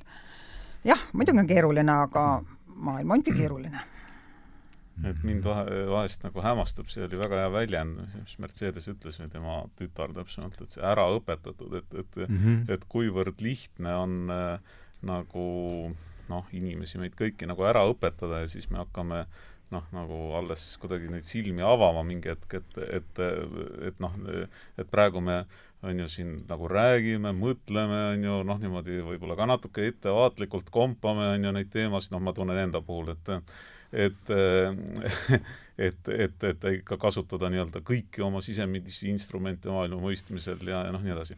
aga, aga noh, võib-olla mingisuguse teise rahva, loodusrahva, noh, mis iganes põlisrahva esindaja, noh, see noh, ta noh, nagu ei saa üldse aru, et, et mida me siin jahume, on ju. et, et, et noh, ta lihtsalt teab, ütleb, et või noh, isegi ei mõtle selle peale, kui vaja on, ütleb, et jah, et loomulikult, et kõik on noh, nagu elus kõigega saab rääkida, kõik ongi dialoog, et see on nagu see üldse see alguspunkt, on ju. siis hakkab asi huvitavaks minema et, et, et selles mõttes, et eh, meid on noh, nagu tõesti väga ära õpetatud, noh, minu arust, see on minu veendumus, eh, ja, ja et, et eh, jah, noh, et nii on lihtsalt, et võib-olla siis nagu selle teadvustamisest algabki noh, nagu see suurem dialoog. no ja ära õpetama, ma kujutan ette, et selles kontekstis võib talle panna siis võõrkeelne vastand on indoktrineerima, eks, et meid ikkagi dokti-, meid ja, ja, ja, ja tihti me elame oma elu ära niimoodi, et me ei saa arugi, et meid on millessegi indoktrineeritud, et ma arvan, et me ei ole eks sellel on ka oma eesmärk. jah, aga noh, enamus arvan, et me näemegi reaalsust, mitte selle, selle mudelit, et ma arvan, et see on äh, üks äh... see reaalsus ei pruugi alati meeldidagi. jah aga noh, enamus inimesi, kes seda, kes seda teevad, noh, ka õpetajatena või ilmselt ka mina ise mingi hetk, on ju, noh, see ongi see, et, et, et noh, et õpetaja räägib ju põhimõtteliselt lastele, et, et kuidas või tudengitele, et kuidas maailm on kokku pandud ja toimib, on ju ta räägib nagu tõde, on ju. noh, vähemalt selline on üldine arusaam. et, et, et noh, selles mõttes jällegi noh, hea on nagu seda, seda taibata, on ju, ja siis edasi vaadata, mitte öelda, et see on nagu hea või halb, on ju. aga noh, kui me rääkisime siin dialoogist, siis äh, konventsionaalse teaduse ja holistlikul maailmavaatele tugine nii-öelda teadvustatud maailmapildi vahel võiks ka dialoog olla, sest ei saa öelda, et üks on tähtsam kui teine tervik sisaldab mõlemaid. Ja, ja ka ilmselt seda osa, millele me ei ole täna veel võib-olla igale asjale nimegi andnud. Mm. no see tasapisi tekib, et, et noh, et Eestisse mõned asjad sa mõtled see dialoogi ja, siis kahe? et, et Eesti kunagi oli siin, on ju, siin äh, tiiger ja tänaseks on ainult hüpe. Hüpe tundmatusse. ainult hüpe on ju. Jäänud. Et äh, hüpe elab oma elu, tiigrist lauta, see on päris hea leitala, sest mõned asjad on nagu kiiremini siia jõudnud, aga, aga mõnede asjadega läheb ikka hirmsasti aega. see kevadine hüpe oli päris raju, ütleme. tiiger ei pidanud vastu. päris korralik väljakutse, jah. aga, aga jah, et, et noh, et lihtsalt noh, on täiesti nagu arvestatavad siis noh, mõttesuunad ja, ja, ja ma ei tea, isegi juba mingisugused osakonnad ülikoolides, mis tegelevad noh, näiteks põlisrahvateadusega, et ongi no, noh, Põhja-Ameerikas on need rohkem, aga mujal ka. et, et kus ongi siis need põlisrahvaste inimesed, kes on õppinud äh, ise ülikoolis ja, ja, ja aga siis noh, nagu sa kasvanud üles ka selles noh, nii-öelda põliskultuuris ja noh, see on natuke selle sarnane võib-olla, millest ka noh, näiteks Valdur Mikita räägib, on ju, et, et, et ja siis saanud aru, ahaa, et, et see, et, et kuidas noh, meie kultuur, kuidas mina nagu maailma näen ja sellega suhestun, et see on, see on väga okei okay,, on ju ja, ja paneme nüüd need kaks asja kokku ja vaatame, kuhu me siis jõuame. et, et noh, on selline termin nagu native science, indigenous science, noh, nii edasi, nii edasi, et, et selliseid noh, ja teiselt poolt siis ütleme, kogu see Goethe värk, on ju, mis noh, ikkagi on edasi arendatud mitmete inimeste poolt, et, et, et, et sellised liikumist maailmas on ja, ja noh, need on nagu suhteliselt, ütleme noh, niimoodi radari vaateväljast on ju väljas, aga, aga aga neid on nagu oluliselt rohkem, noh, kui, kui võib-olla esialgu tundub, lihtsalt et Eestisse jõuavad nad aeglaselt, aga samas, kui Eestisse midagi juba jõuab mõne inimese näol, siis võib see kiiresti levida. no aga mm, -hmm. aga milles mhm. siis asi on, me oleme ka põlisrahvas. meil on ka omad äh, rahvatarkused ja Täpselt põlised nii. traditsioonid ja arusaamised ja ja olgu nad hi-, hiies käimised või äh, looduse hingestatuks äh, pidamised ja sellest ka vastavad käitumised äh, ja noh, nii-öelda me nimetame tänasel päeval ka, et põllumehe tarkuseks. me nimetame asju, mõningaid asju, mida need talupoja inimesed, kes jah, talupojatarkus ja et eh, kui juba põllu, peremees oma, oma põllu üle jalutab lihtsalt, see on ka väetis. võib-olla jah, natukene keeruline mõista, aga, aga nii see on. Eh, et me käime oma taimi ja saake vaatamas ja, ja sellel on ka oma mõju. aga jah, eks me oleme väike rahvas ja, ja võib-olla nüüd selles suures Euroopa supis äh, läheme vahel iseenda jaoks kaduma, aga ma usun, veel kõik ei olegi kadunud, meil on ikka oma juured olemas. jah, mina, mina olen näiteks tänu noh, eelkõige Ahto Kaasikule, aga ka teistele Eesti pärimusuurijatele noh, nagu avastanud üha rohkem, et kui noh, sügav siis ja tark see, see maailm on, et, et loomulikult pärimuses on kõik, et on ka igast rehepapp ja noh, mida iganes, on ju, et jällegi me ei noh, idealiseeri, aga seda sügavat äh, tarkust on seal ka väga palju, et noh, liht-, lihtsalt võib-olla üks näide näiteks, mida tasuks uurida, et kõik inimesed, vanemad vähemalt vist teavad, et et õige aeg kartuli mahapanemiseks on milline, siis kui õitseb toomingas. nii, et, et noh, vähemalt on selline teadmine nagu üldiselt olemas et, et ta võib-olla tasuks seda uurida, noh, et, et, et mis seosed seal on, äkki ongi õige aeg, on ju. mingi, mingid rütmid seal peavad olema, eks, et õit-, õits-, õitsemine on mingi rütmiga tegevus. just, ja see on iga aastal on veidi erinev ja ja, ja noh, et, et, et, et, et noh, lihtsalt ma tahan nagu mingisugust tee otsa näidata, et või vihjata sellele, et noh, et, et võtta ka rahvapärimust mingisuguseid teadmisi ja, ja siis kas või natuke proovida neid uurida, et, et, et noh, et kas, kas leiab mingisugust laiemat seost, et noh, et alguses tundub noh, võib-olla nagu kusagilt otsitud või veider või, või juhuslik, aga ei pruugi olla ma kuulsin seda sõnapaari pärisrahvaste teadus, et see mõnedele tundub Põlis. ju, jah, põlisrahvaste, vabandust, põlisrahvaste teadus, et see mõnedele tundub äh, tõenäoliselt oksümooronina, et, et noh, see, mis teadus on ikkagi see, mida meie siin äh, peeneks jahvatamise näol teeme, et aga, aga noh, tõsi ta ju on, et mõlemal on selline ühine hingestav püüdlus on ju see, et maailmas sotti saada, eks, et üritavad seda teha nii siis äh, äh, üritasid seda nii meie eellased kui ka džunglirahvad ja, ja noh, need äh, valgetes kit-, kitlistes äh, tegelased samuti, aga ma tuleks, ähm, see on huvitav teema, mille ümber me siin oleme niimoodi tiirelnud ja ma tuleks tagasi selle, meie vestluse päris algusesse Mercedes äh, rõhutas, et et, et tema jaoks on äh, keha, hing ja vaim on äh, et inimene, see oli jah, et inimene koosneb kolmest osast ja ma, ma siis selle peale äh, ütles, et see on Descartesi eelne pilt ja ma selgitan, mida ma sellega mõistan, et nii palju, kui mina olen saada aru, aru saanud oma vähese lugemise baasil, et keskajal käsitleti inimest just sellest kolmest äh, ja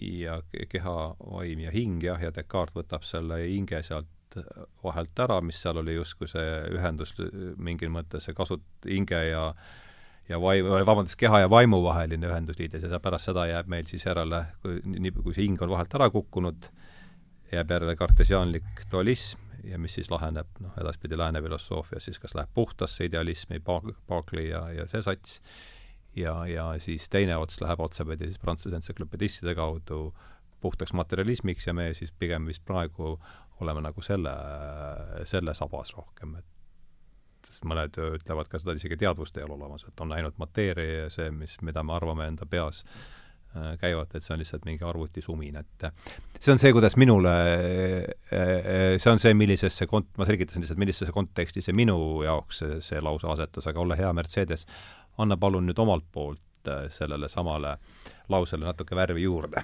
noh, minu jaoks on inimene eelkõige vaimne olend mm. -hmm. eelkõige vaimne olend ja, ja nii palju, kui ma bioloogiast te tean, siis inimene sünnibki siia ilma pea ees mm. -hmm. ja hiljem tõuseb jalgade peale noh, olgu see siis sümboolselt eh, öeldud, aga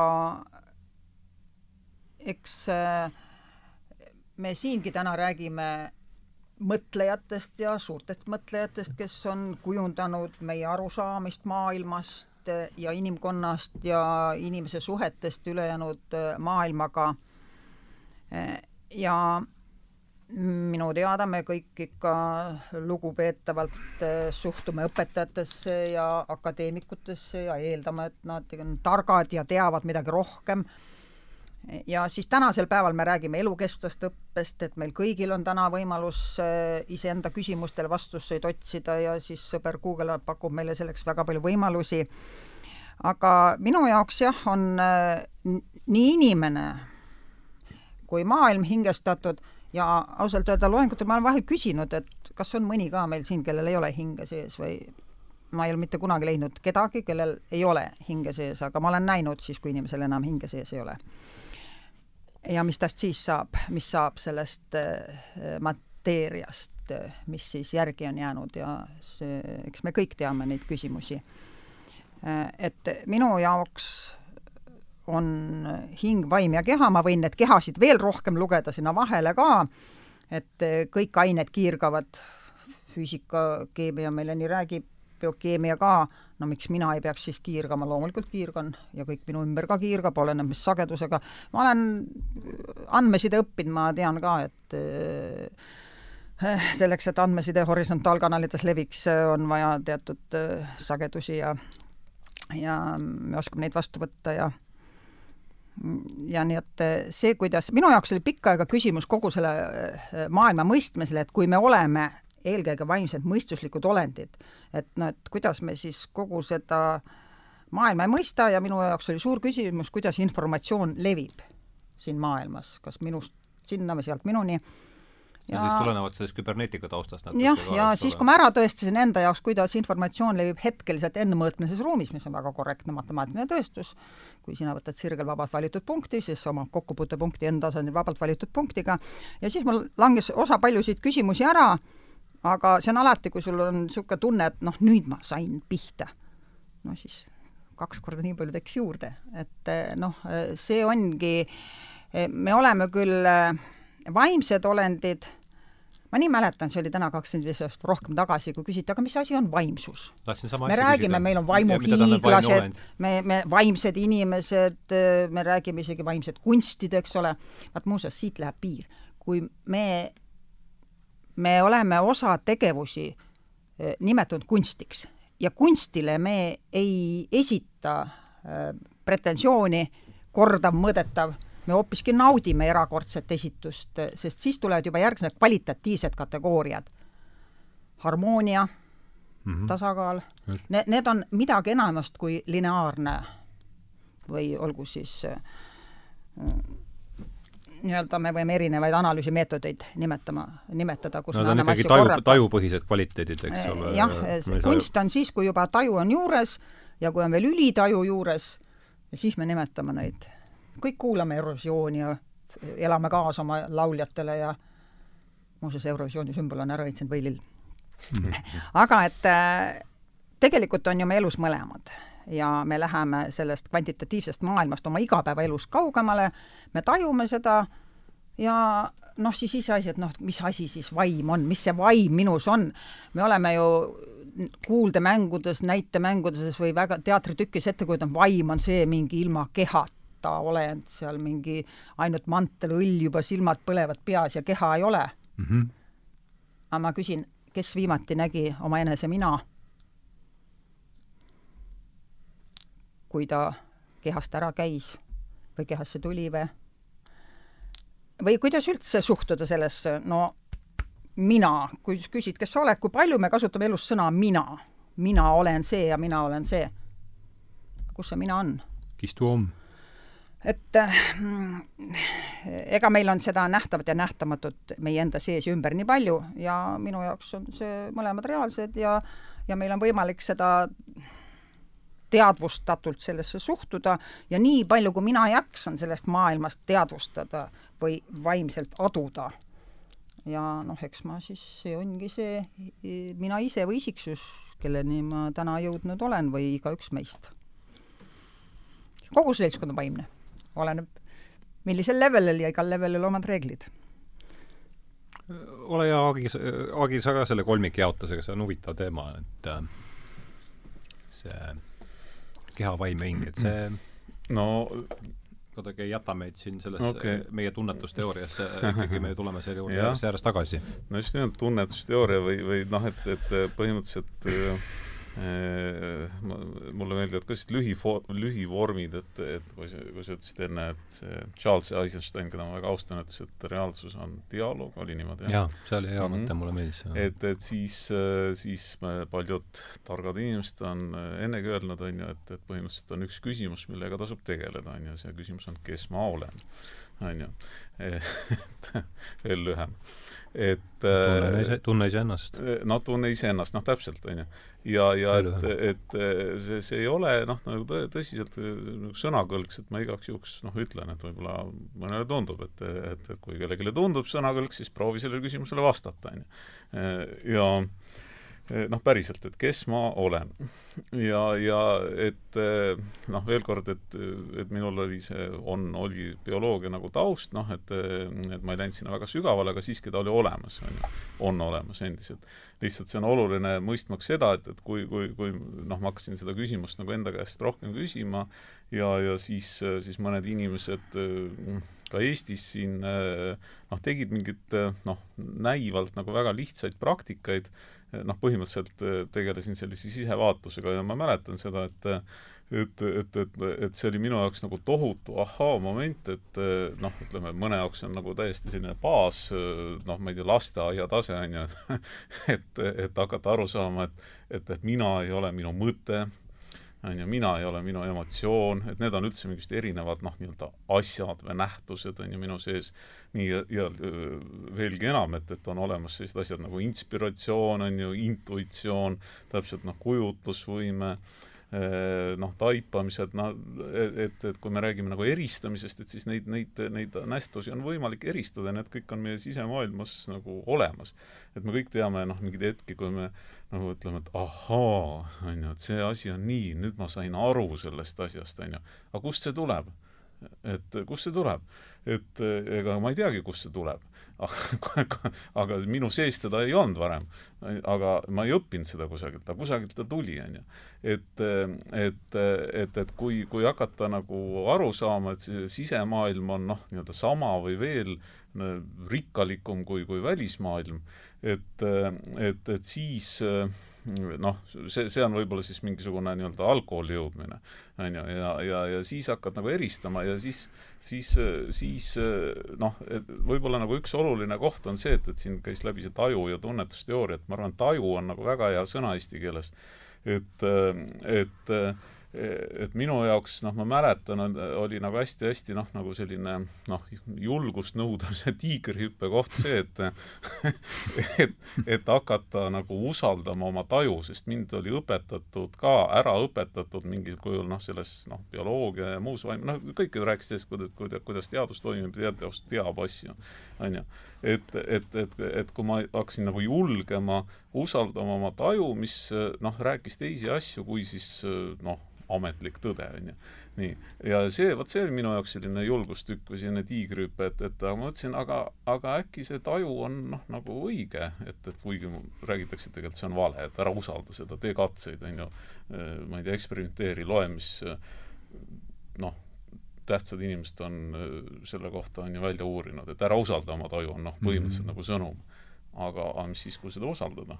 ja teha katseid sellega, vot see on ka teadus, ma, ja, ja noh, ütleme siis ida, ida, idamaa eh, inimesed, nii vähe, kui ma neist tean, et, et mulle tundub, et on noh, nagu osad siis, keda me nimetame, keda nad ise nimetasid ja nimetavad joogideks ja ja sidideks ja ma ei tea, kelleks iganes, et, et põhimõtteliselt on nad eh, teadlased, kelle pilk on pööratud sissepoole mm. -hmm. Just. aga see uuriv vaim on noh, põhimõtteliselt täpselt samasugune. see eristab erinevaid asju, analüüsib, mõtleb, on ju, ja teeb mingisuguseid järeldusi ja teeb katseid ise, ise nagu enda mm -hmm. sees. Nii, ja, ja, ja ongi, noh, ongi kõik, et jah. ja tundub, et lääne meetod on igasuguste tööriistade ehitamisel palju, palju tõhusam. Ja seetõttu, ja seetõttu on ka see meetod saanud ülemaailmne valitsevaks, sest meil on parem kola ja, ja aga noh, seetõttu tekivad, aga, aga sellel on, tekib terve rida teisi probleeme aga ma võiks tuua siis võrdluse, et miks siis eh, idamaid kutsutakse hommikumaaks ja läänemaailma õhtumaaks, see selleks, aga jõudes tänasesse päeva nüüd tagasi, siin me oleme, et kui Toomas siin ütles, et kui me võtaks julgustüki esitada küsimusi, otsida vastust, kes me oleme siis tänases, oota, meil on hädaolukord lõppenud ja eriolukord ka vist lõppenud, aga vaatamata sellele tuleks teha siis järgmine hüpe kestab edasi. hüpe, jah, hüpe on ja nüüd tuleks teha see isiklik järgmine hüpe, et kuidas iseennast aidata mm,. aita ennast jah. ise oleks äh, tänase päeva väljakutse nüüd, aga see eeldab seda eelmist natukene tonkamist, et kes ma olen mm. -hmm. siis, siis see mina olen saab ka ennast ise aidata või e-, üldse panna omale sellise ülesande ja siis äh, jõuabki võib-olla selleni, et ma ise vastutan oma tegude eest. mitte peaminister ja riik, aga ma nendega küll pean arvestama, kui ma siin koos nendega elan Mm -hmm. ja et meil on ühised mõistlikult. arusaamised, mida me oleme vorminud seadusteks, jah. sellest ei ole ka pääsu. sellest ka ei ole, need on ka üks dialoogist ja kokkuleppest. aga see dialoog ja kokkulepe ei ole ainult seadus, et see on mm., selles dialoogis on hoopis avaramad teemad. Nii nagu me igapäevaeluski, me igapäeva pereelus täpselt samuti aktsepteerime. Siis me isegi ütleme, et meil on mitu loogikat, muidu konventsionaalne teadus ütleb, kõik on väga loogiline. No kuidas te mehed kutsute omal prouadega suheldes? et on, meil oli see, et on olemas matemaatiline loogika, on olemas formaalloogika, aga peale selle on olemas naiste loogika, mida mehed nagunii ei tonka. nii et maailm on mitmekesisem, kui me just igaüks sellest aru saame, aga selle eelduseks on võib-olla needsamad isiklikud hüpped. ja tänane päev on esitanudki meile väga karmilt selle järgmise hüppe nõude mm. -hmm. jah, absoluutselt, et kui see, kui see tänane noh, päev nii-öelda siin ülekantud tähendus sisse tuli, et, et noh, et, et kogu see viiruste temaatika, et et see noh, jällegi mitmed inimesed ütlevad seda väga selgelt ja mulle tundub see samamoodi, et, et et, et see, mis on nüüd no toimunud siin poole aasta jooksul, et, et see on noh, põhimõtteliselt sundinud siis noh, igat inimest nii-öelda otsa vaatama siis surmahirmule ja, ja, ja noh, ta on sundinud seda tegema, see ei ole meeldiv, on ju, nii, ja, ja osad inimesed noh, nagu põrkuvad sellest eemale, osad siis kuidagi tegelevad sellega et, et aga, aga noh, siin ei pääse nagu, ei pääse enam mööda sellest küsimusest, et, et kes ma olen, on ju, no või noh, okei okay,, et isegi kui sa ei vasta sellele, siis siis, siis sinu käitumine noh, võib-olla on, on kantud, on ju, suurest nagu hirmust ja ei ole noh, nagu üldse ratsionaalne ja ja, ja noh, nii edasi, ühesõnaga, et sinu elukvaliteet nagu langeb on ju, ja siis, ja siis võib öelda, noh, võib-olla see kõlab, on ju, jällegi natuke nagu arrogantselt ja nii edasi, aga noh, et, et kelle valik see siis on lõppkokkuvõttes, on ju nojah, isegi kui nad muu, kui inimesed muule küsimustele ei mõtle, siis see, et mida nad tegema peavad olukorras, sellest ei saa ikka ilmselt ei üle ega ümber, et no just, ja see sõltub jälle sellest, mida me teame ja ja mida me tohime loota, mulle meeldib see jah, ja eks ega me ei saa siin nendest äh, nii-öelda materialistlust või mateeria aspektist mööda, ega me igapäevsed baasvajadused on täpselt samuti reaalsus kui kaunid kunstid ja, ja kõrge mõtlemine. Äh, aga eh, meil on vabadus, eh, kuidas nendesse suhtuda ja kuidas neid täita, eh, noh, nii palju, kui kellegi vabadusaste on selles olukorras, aga mida rohkem sa kogu seda iseennast ja, ja endast ümbritseva maailma teadvustad, seda suurem on sinu valikuvabadus ja võimaluste hulk. Ma ei tea, mul, parandage mind, kui ma eksin, ma lihtsalt või noh, ütleme eksin. et no mina, tuleme tagasi selle Eisensteini mõtte juurde, et reaalsus on dialoog.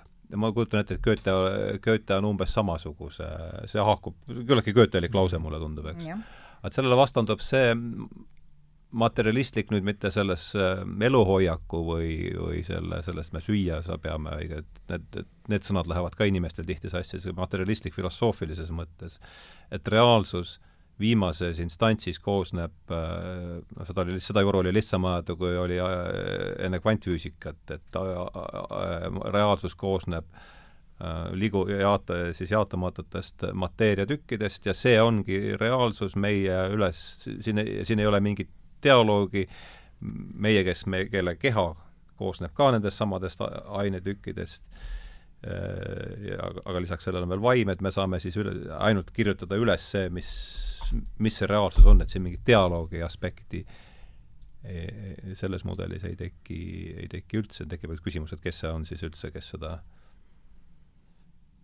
see, et, et kui sinu ajus on ka need e, mateeriatükid, et kuidas siis üldse tekib see noh, Mm -hmm. kuidas tekib see vaatepunkt, et me üldse midagi üles kirjutama hakata mm. -hmm. et ei oska küsimust esitada, aga et kas järsku oskate haakuda selle noh, paratamatult vähe segaseks jäänud jutuga. räägib ju väga, väga selgelt ja, ja, ja vaimukalt äh, Rupert Sheldrake, on ju, et et, äh, et noh, kui, kui vähegi ausalt ja, ja, ja tõsiselt nagu proovida analüüsida, siis me jõuame ikkagi nagu usu ja uskumusteni.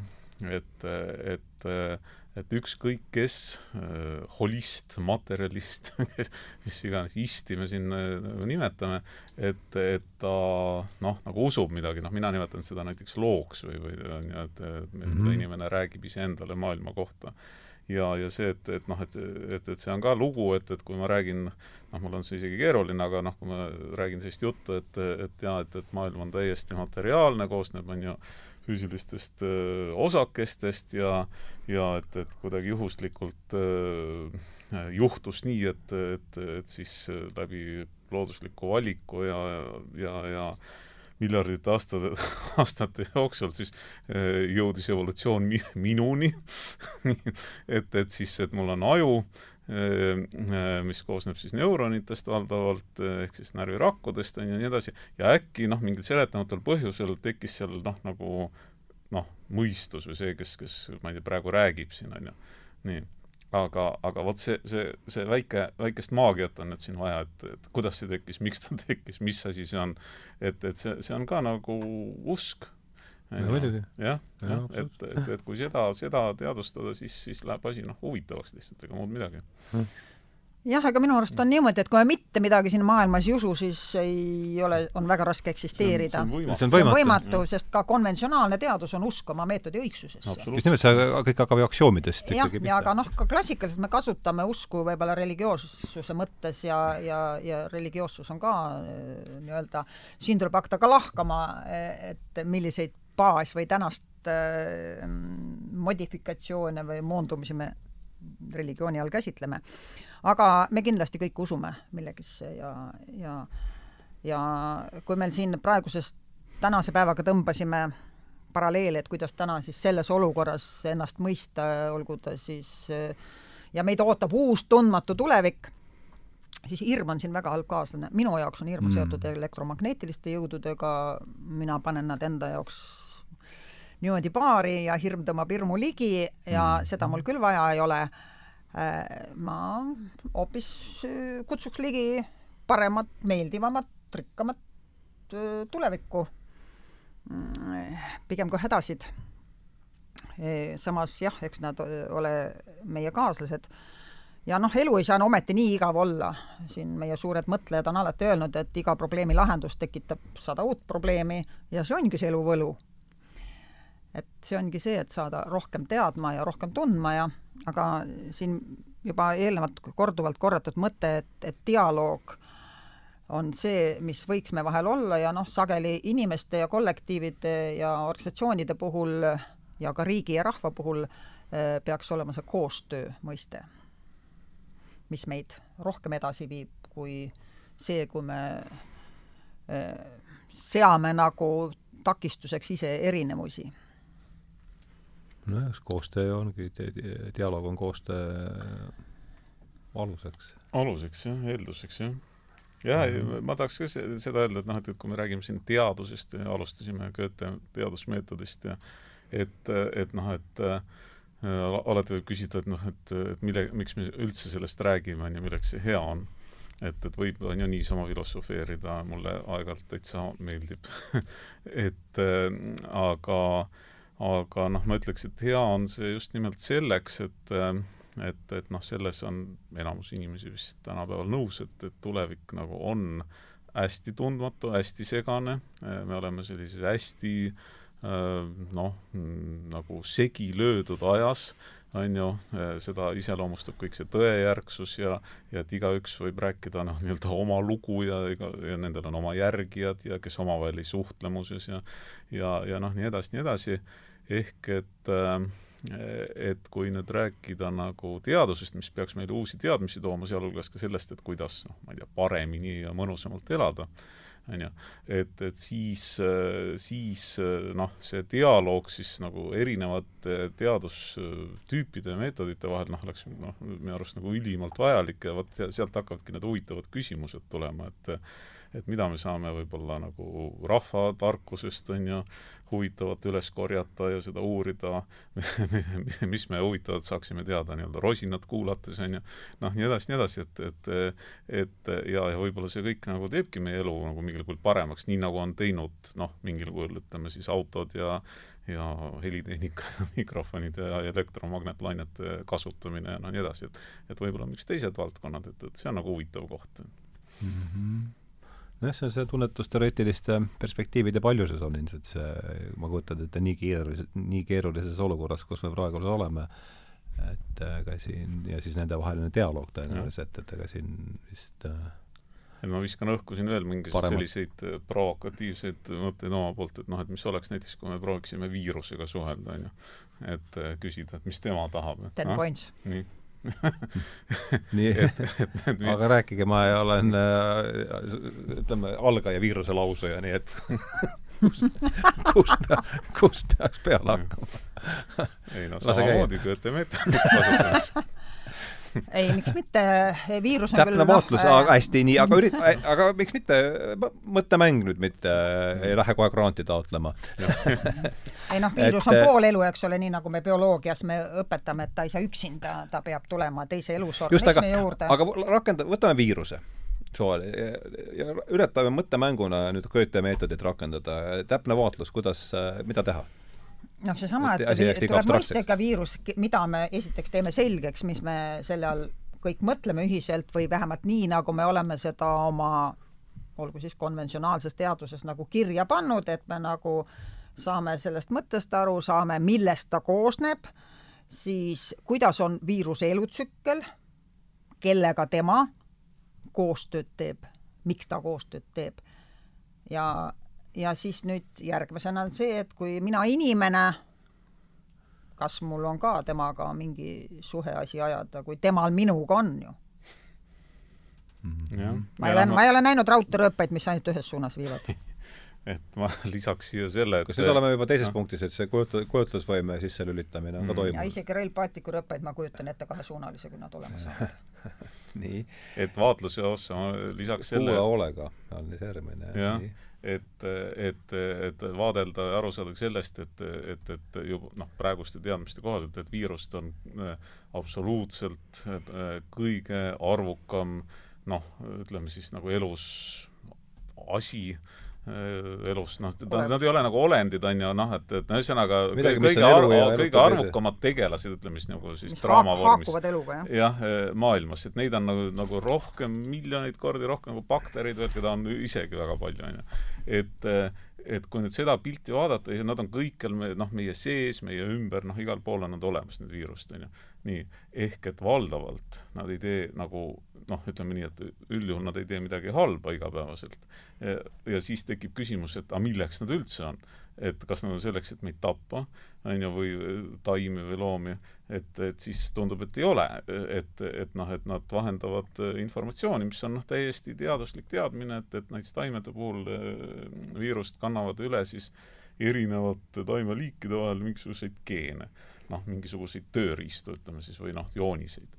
et, et, et noh, näiteks sealt võib alata see vaatlus, et, et, et noh, lihtsalt nagu rõhuasetus on siin selles, et et, et me noh, meie üldistatult keskendusime äh, siin neli-viis kuud tagasi on ju koroonaviirusele, et millest noh, enamus meist üldse esimest korda teada sai sellisest nimest, ja siis hakkasime teda nagu tohutult uurima ja kartma ja vaatama, aga tegelikult on nagu, nagu ma ei tea, triljon korda rohkem neid viiruseid, on ju.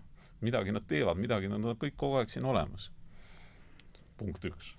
ei, täiesti ka viiruse vaatlemiseks, analüüsiks, ettekujutamiseks sobib ka goethanistlik loodusvaatlus, aga esimesest etapist tuleb kaugemale jõuda me räägime, et esimene etapp oli, tuletame meelde, täpne vaatlus. jah, aga me vaatasime teda ainult e, enamuses vist suure hirmuga. ja, ja kujutage ette nüüd Goethet, kui tema oleks vaadanud looduses uut looma või taime, ainult noh, põhiliselt hirmuga, mitte huviga teda tundma õppida, ilmselt siis me ei räägiks temast siin täna või ei räägiks siin teistest suurtest loodusteadlastest, kes on Linneedest asjadest, meil on isegi süstematiseerinud palju mõisteid ja aga et see lihtne väljakutse ei ole, ei ole, seda kindlasti. et meil on tegemist väga salakavala kolleegiga siin elus maailmas, seda kindlasti. ja kellel on väga kiiresti muutuv nägu ja, ja natuke, ja eriskummaline käitumine. sellepärast on, aga ta on kindlasti väga hea uurimismaterjal mm. -hmm. Nojah no me võrdleme jälle seda Newton, Newtonlikku või siis reduktsionistlikku meetodit äh, sellega, mis on teine, et lülita sisse kujutlusvõime, et äh, see on jällegi see, ütleb, et igasugune kujutlusvõime tuleb välja jätta, et äh, noh, arv on konkreetne asi ja ja see on ainus, millest me saame, saame juhinduda, et see on, on vist nii, saan ma, olete nõus minuga? Mm, no kujutlusvõime viiruse poolest ma ei, ma, ma võtan juba laiemalt nüüd seda, kogu seda Goethe meetodit, et kujutlusvõime, see mulle meeldib, meil on mm, Seltsi kanalil on üks Richard Tarnase väga, minu arust väga asjakohane klipp selles kontekstis, et see pealkiri on see, et meie ülesanne on välja kannatada see teoreetilise ranguse ja kujutlusvõime vaheline pinge. Mm.. et et noh, mulle tundub küll, et see pendel on nüüd nii väga selles äh, teoreetilise ranguse mm. ääres, ääres kinni, mis mm. tähendab seda, et me tunnetavasti teoreetiliselt oleme ikkagi ühe jala endalt teise nagu ära amputeerinud, jah? amputeerinud, jah. nojah, see, see ju sama, millest ka Sheldrake räägib, et mis tuli mulle ka üllatuseks, on ju, et et, et noh, et, et kogu see umbisikuline tegumood ah, siis teadusartiklites, et et noh, et võeti näiteks mingisugust materjali ja pandi see tsentrifuugi ja noh, nii edasi mm. -hmm. et see ilmus alles noh, mingi umbes sada aastat tagasi, et kõik Darwinid ja kõik kirjutasid ilusti nagu mina vormis, et, et mina võtsin ja tegin mina mm -hmm. vaatasin et, et, et, et see tuli üks asi, mis meelde tuli, aga, aga üks asi jäi vastamata enne, et, et või noh, et Ardo, sa esitasid nagu jah, siis selle intrigeeriva tsitaadi, mis seal oli, et, et, et kas noh, küsimus selles, et kas, kas, kas seda Goethe teadust saab siis tänases mõttes ka nagu teadusena käsitleda, et, et kas see on kontrollitav, kas need katsed on korratavad, on ju, nii edasi. et, et sellest ka siis need noh, tänapäevased siis Goetheanid räägivad ja, ja ütlevad jah, et täpselt nii võikski teha, lihtsalt äh,, lihtsalt kasutades sedasama meetodit, jõudes mingite tulemusteni, neid noh, nii-öelda kirjeldades siis kirjalikult või kuidas iganes, ja, ja, ja et kui rohkem inimesi seda teeb, et, et siis nad võrdlevadki omavahel, et, et, et isegi ka Goethe ütles seda, et, et, et seda noh, nagu võrdlemist ja dialoogi tulebki ülal hoida, sellepärast et, et lihtsalt noh, ütleme selline täiesti noh, kuidas ütelda, metsikult lendu läinud kujutlusvõime või, või, või vaata, et haiglane kujutlusvõime, et et see ei ole ka kasulik absoluutselt no. jah, et, et, et aga kasutada neid sisemisi instrumente ja teha seda selles mõttes teaduslikult, et selles mõttes on pinge on, mis jah, tuleb võrrelda ja, ja jõuda noh, nagu ühiselt eh, ikkagi sellise parima arusaamani. Jah, ja eks see, mis sa rääkisid, kui me räägime viirusest, paljus on see, et kui me suudame teatud viirustele noh, nii-öelda päitsed pähe panna, siis me nimetame neid medikamente siin vaktsiinideks, aga noh, siis viirus näitab meile, et ta on väga isepäine ja siis natukese aja pärast sellele ta modifitseerub nii kiiresti, et siis me ei saa talle varsti, varsti jälle pihta. just nimelt, meil ei ole ju nii palju kehapinda, kuhu neid süste siis kõiki panna no,, kui me hakkame aga, iga aga tegelikult iga... no siis tuleb uuesti alustada jälle. Ega siis me elus alustame nii palju asju uuesti ja kordame seda ja oma igapäevases elus ka ja oma isiklikus elus ja uue tuttavaga ja uue lapsega ja uue naabriga ja ja eks elus on neid uusi väljakutseid äh, palju ja noh, siis äh, aga alati noh, sa vaatad ka koduses tööjaotuses, et millega ma ise hakkama saan ja mida ma saan teisele usaldada, no siis tuleks viirusega suhtes samamoodi mõelda, mida, millega ma ise saan hakkama, kas ma saan oma tervisse, oma immuunsüsteemi tugevdamisele ka midagi ise teha mm. -hmm. ja selle määramatu osale, noh ilmselt kui ma ei tea, ei tunne seda täna, no ma ei saa sellega midagi pihta hakata. aga selle kõrval ma oleks kasulik nagu vaadata nii, nagu me igapäevaselt suhtume, eks ole. kas ma saadan kellegi teise poodi või pean ma ise minema, saan ma ise minna? noh, siis tuleb ka selle puhul küsida, mida ma saan ise teha ja ilmselt me ei ole ju nii äpud, et me ei saa midagi ise teha, kindlasti saame palju ise teha mm. -hmm. ja eks aga see, et siis tulebki väga sageli nii-öelda sedasama vaatamist ja uurimismeetodit jälle korrata, noh, see ei ole ju ka meile uudis. aga maailm ongi väga paljus nähtamatu ja tõenäosuslik ja, ja arenev ja ja ei ole ühesugune, no kui kõik maailm oleks ainult Toomaseid täis ja no siis oleks ju mm, osa neist uskmatud küll, aga aga siis oleks ka ju ebahuvitav. no kena, meil on, ütleme, võiks veerand tunniga võiks tõmmata mm, otsad kokku, et hakata mõtlema, kuidas seda, mis me siis ise sellest jutuajamisest oleme niimoodi endale kõrva taha pannud ja kuidas seda asja siin niimoodi kokku tõmmata, et jah, neli aastat Goethe vaatluses see on. ta on ikkagi, eriti kui Mercedes alguses rääkis sellest meetodist, kuidas see konkreetselt käis, et ta tundub olevat niisugune ikkagi poolmeditatiivne protsess no,. või? kas matemaatika ülesandele lahenduse otsimine on vähem meditatiivne? ega vist ma ei tea jah, mida see, noh jälle, mida sõnad, lõpuks taandub kõik sinna, et mida need sõnad üldse noh, sa kontsentreerid ja sa mõtled ju pidevalt, sa niikaua, kuni sa, sa proovid, katsetad ja siis üritad lahendit leida. Või on teil kõigil matemaatika esimese korraga välja tulnud või? mul küll mitte.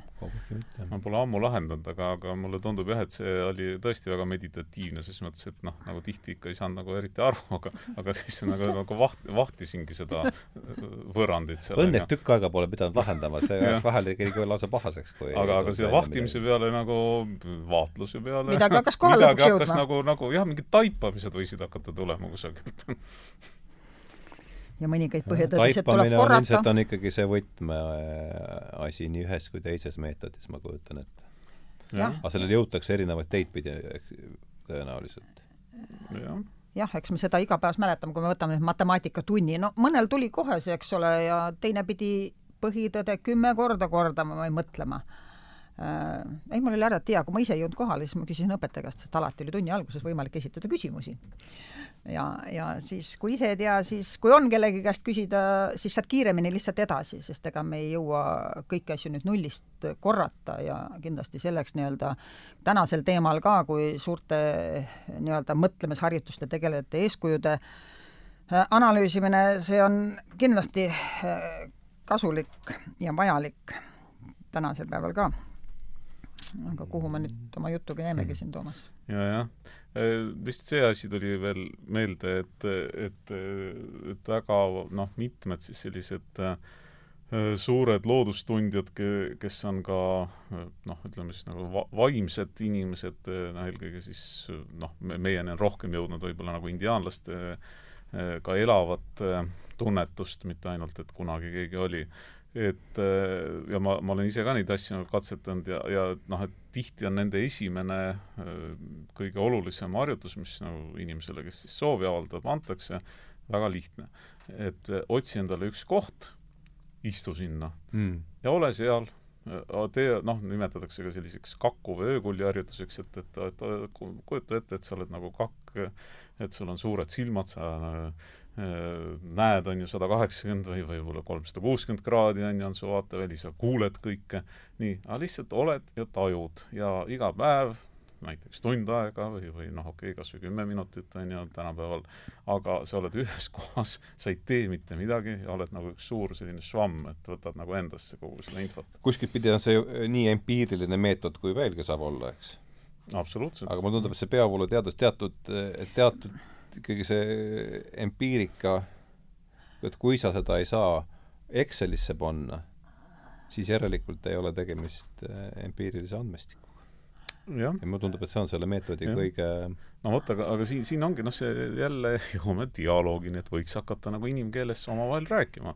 et, et, et muidu on noh, ma, ma ei taha nagu üldse mingitesse nagu sildistamisse kusagil laskuda, aga mõnikord metafoorid teevad head, et et noh, et, et kui võtta nagu mingi tüüpi selline teadusartikkel, ja, ja hakata seda lugema, et ja, ja kui ma peaksin võtma siis näiteks noh, ma ei tea, ütleme siis mingisuguse budistliku teksti paali keeles, mitte kummastki ei saa mitte midagi aru, on ju.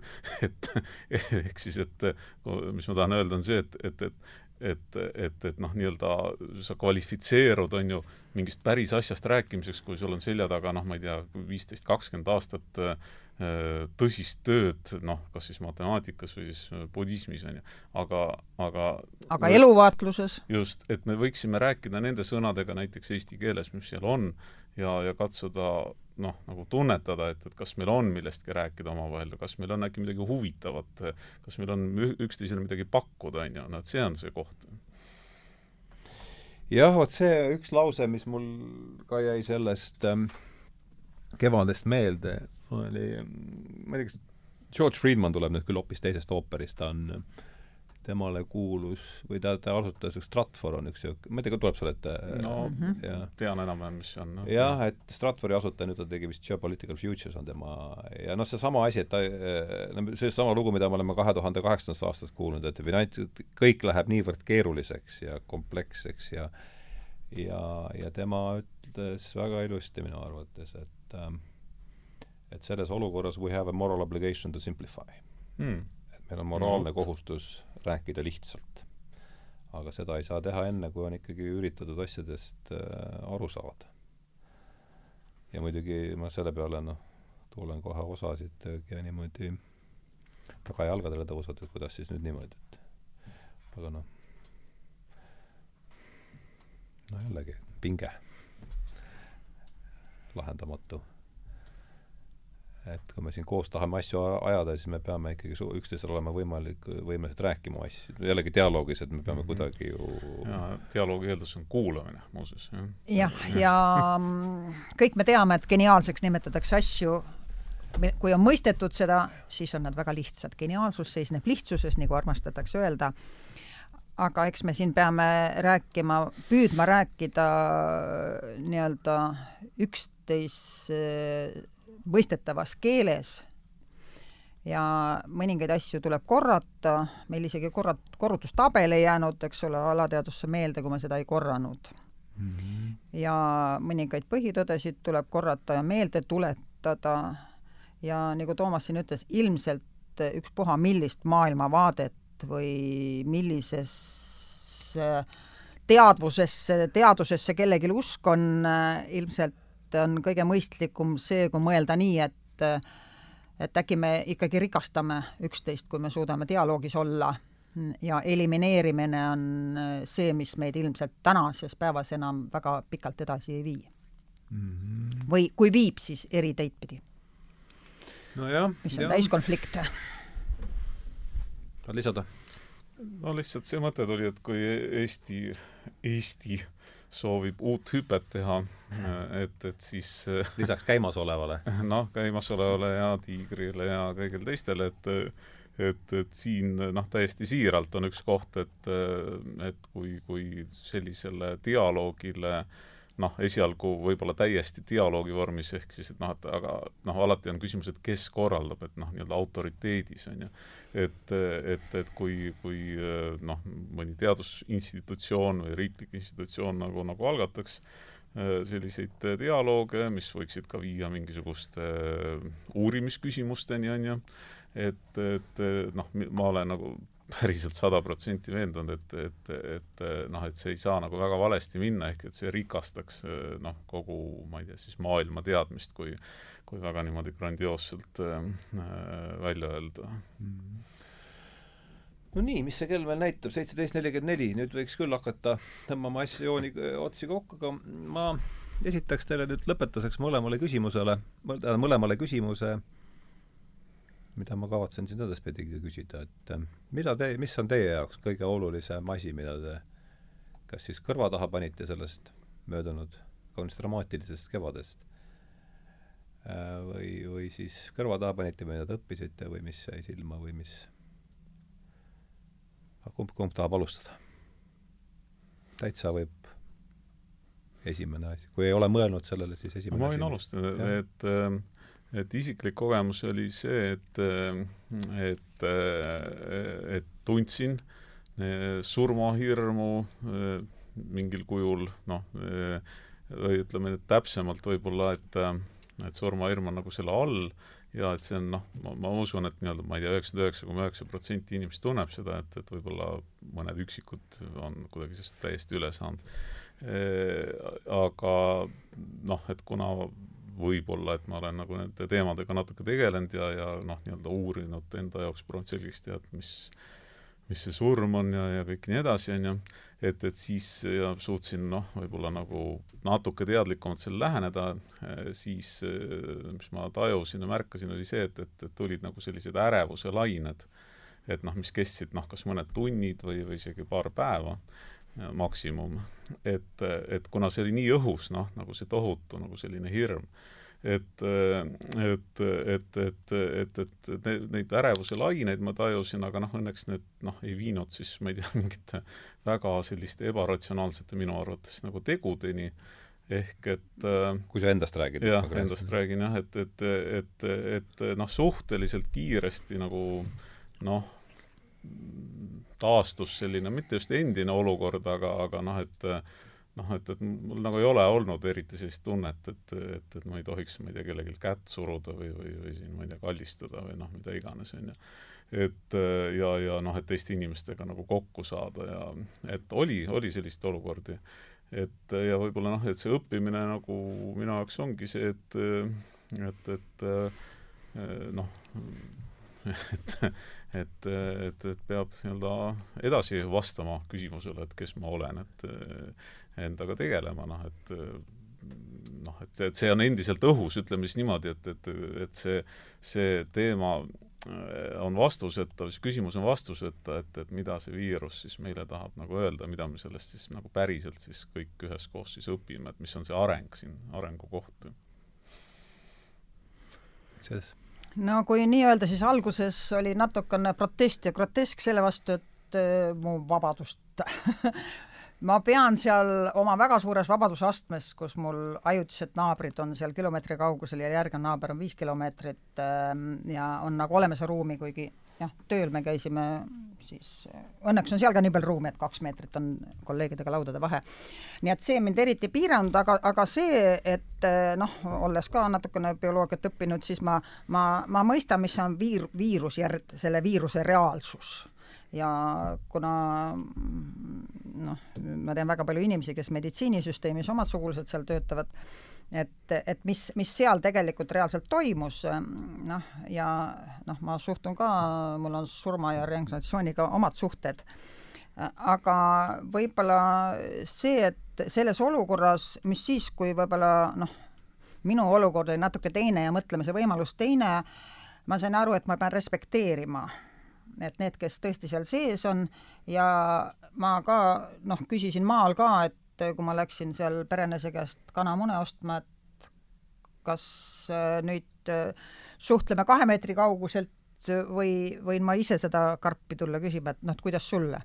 no siis mm -hmm. proua ütleb, noh, kui mina mõtlen, et kui see, mis tulema peab, see tuleb et mina ikka elan edasi ja noh, eriti inimesed, kes loos on ja, ja noh, siis ma sain aru, et nüüd ma võingi noh, nii nagu siiamaani käituda, aga kui tuli Tallinnast inimene, kes oli otse kontaktis olnud haigega, loomulikult siis me rääkisime üle aia kaugemalt ja kui viirus oli jõudnud ka naaberkülasse, siis tegelikult ma nägin, kuidas väga... viirus lausa jõudis naaberkülasse? aa, et selles mõttes, et inimesed jah, sest eks meilgi spordihuvilisi, kes -hmm. jõudsid Hiiumaale mm. -hmm. Ja Saaremaale. või Saaremaale ja, ja siis ma sain aru, et eh, tõesti inimestel tuli väga suur hirm ja isegi helistasid ja pahandasid, riidlesid, see, kes haigestus, et miks sa selle meile tõid, selle koleda viiruse. ja, ja siis ma mõtlesin küll, et eh, noh, mina, mina oleks osanud küsida, et kuidas ma aidata saan või kas ma saan kompsu ukse taha tuua, on sul abi vaja, kui terve pere jääb haigeks või aga siis ma nägin neid inimeste erinevaid reaktsioone ja äh, ja selle peale siis ma mõtlesingi, et isegi sellises ühises hädas või selles ühises olukorras, et eh, ma pean endale otsa vaatama, et kui palju siis me oleme ikkagi nõus ja üksteist aitama, abistama või kipume sinna nüüd teisele poole, et ma elimineerin, välistan, süüdistan aga võib-olla selles olukorras see sai eriti selgeks, et, et see, see ei aita. ikka aitamine, abistamine on teine ja üksteise aktsepteerimine, aga see ei tähenda seda, et me ei suhtle. ja ma arvan, et see meile väga paljudele esitab väljakutse, ähm, kus on meie endi eetiline latt, mida me nii väga tahaks, et teistelt ja institutsioonide poolt oleks see väga kõrgele seotud meie suhtes ju see paneb nii-öelda peeglisse vaatama iseendaga. Jaa, et, et noh, üks selline globaalsem äh, taipamine minu jaoks oli see, et, et kuivõrd kiiresti äh, terve maakera siis äh, inimkond, ühiskond oli võimeline muutuma.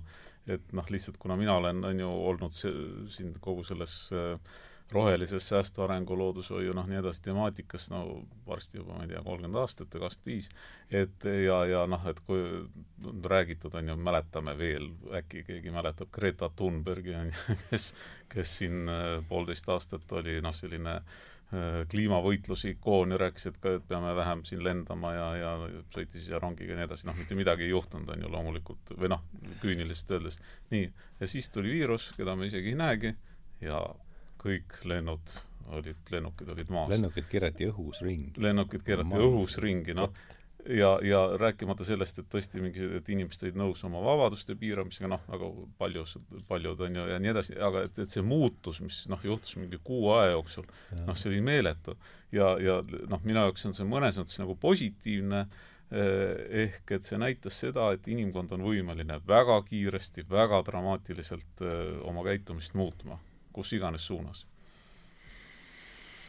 jah, jah, jah, nii ta, see haakub küll kõik see, mis te rääkisite.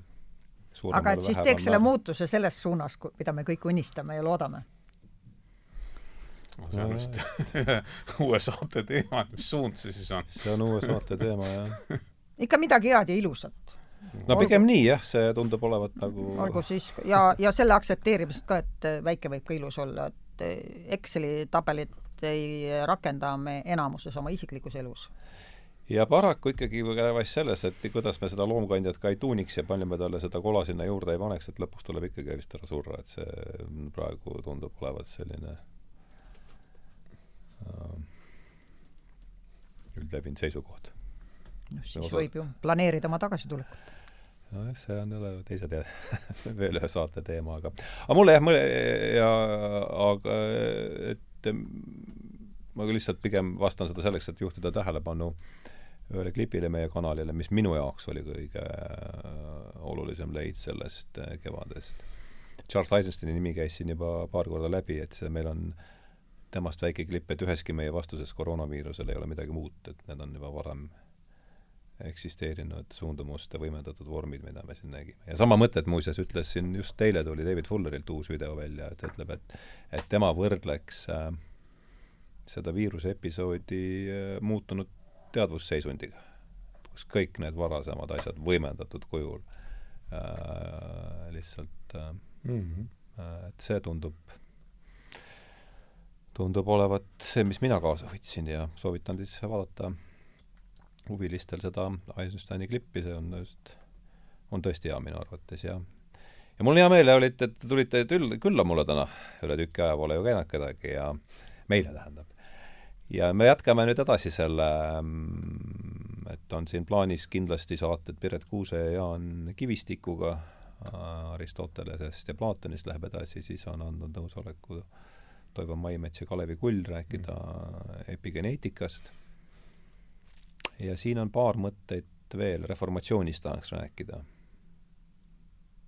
Pikemalt ja põhjalikult, see tundub olevat üks võtme, võtmesündmusi selles, kogu selles viiruse loos. Aga väga, väga šef, et te tulite, et te tulite no, kutsusid. äge oli, mul ikkagi see kolme, pärast kolmekuust pausi, kuigi me tegime siin suvepäevadel juba otsa lahti, aga et aitäh, Mercedes Merdimaa äh,, Toomas Trapido, aitäh, Riko puldis. äh, et ähm, tõmbame joon alla ja, ja lähme arutame kaameraväliselt asja edasi. head õhtut!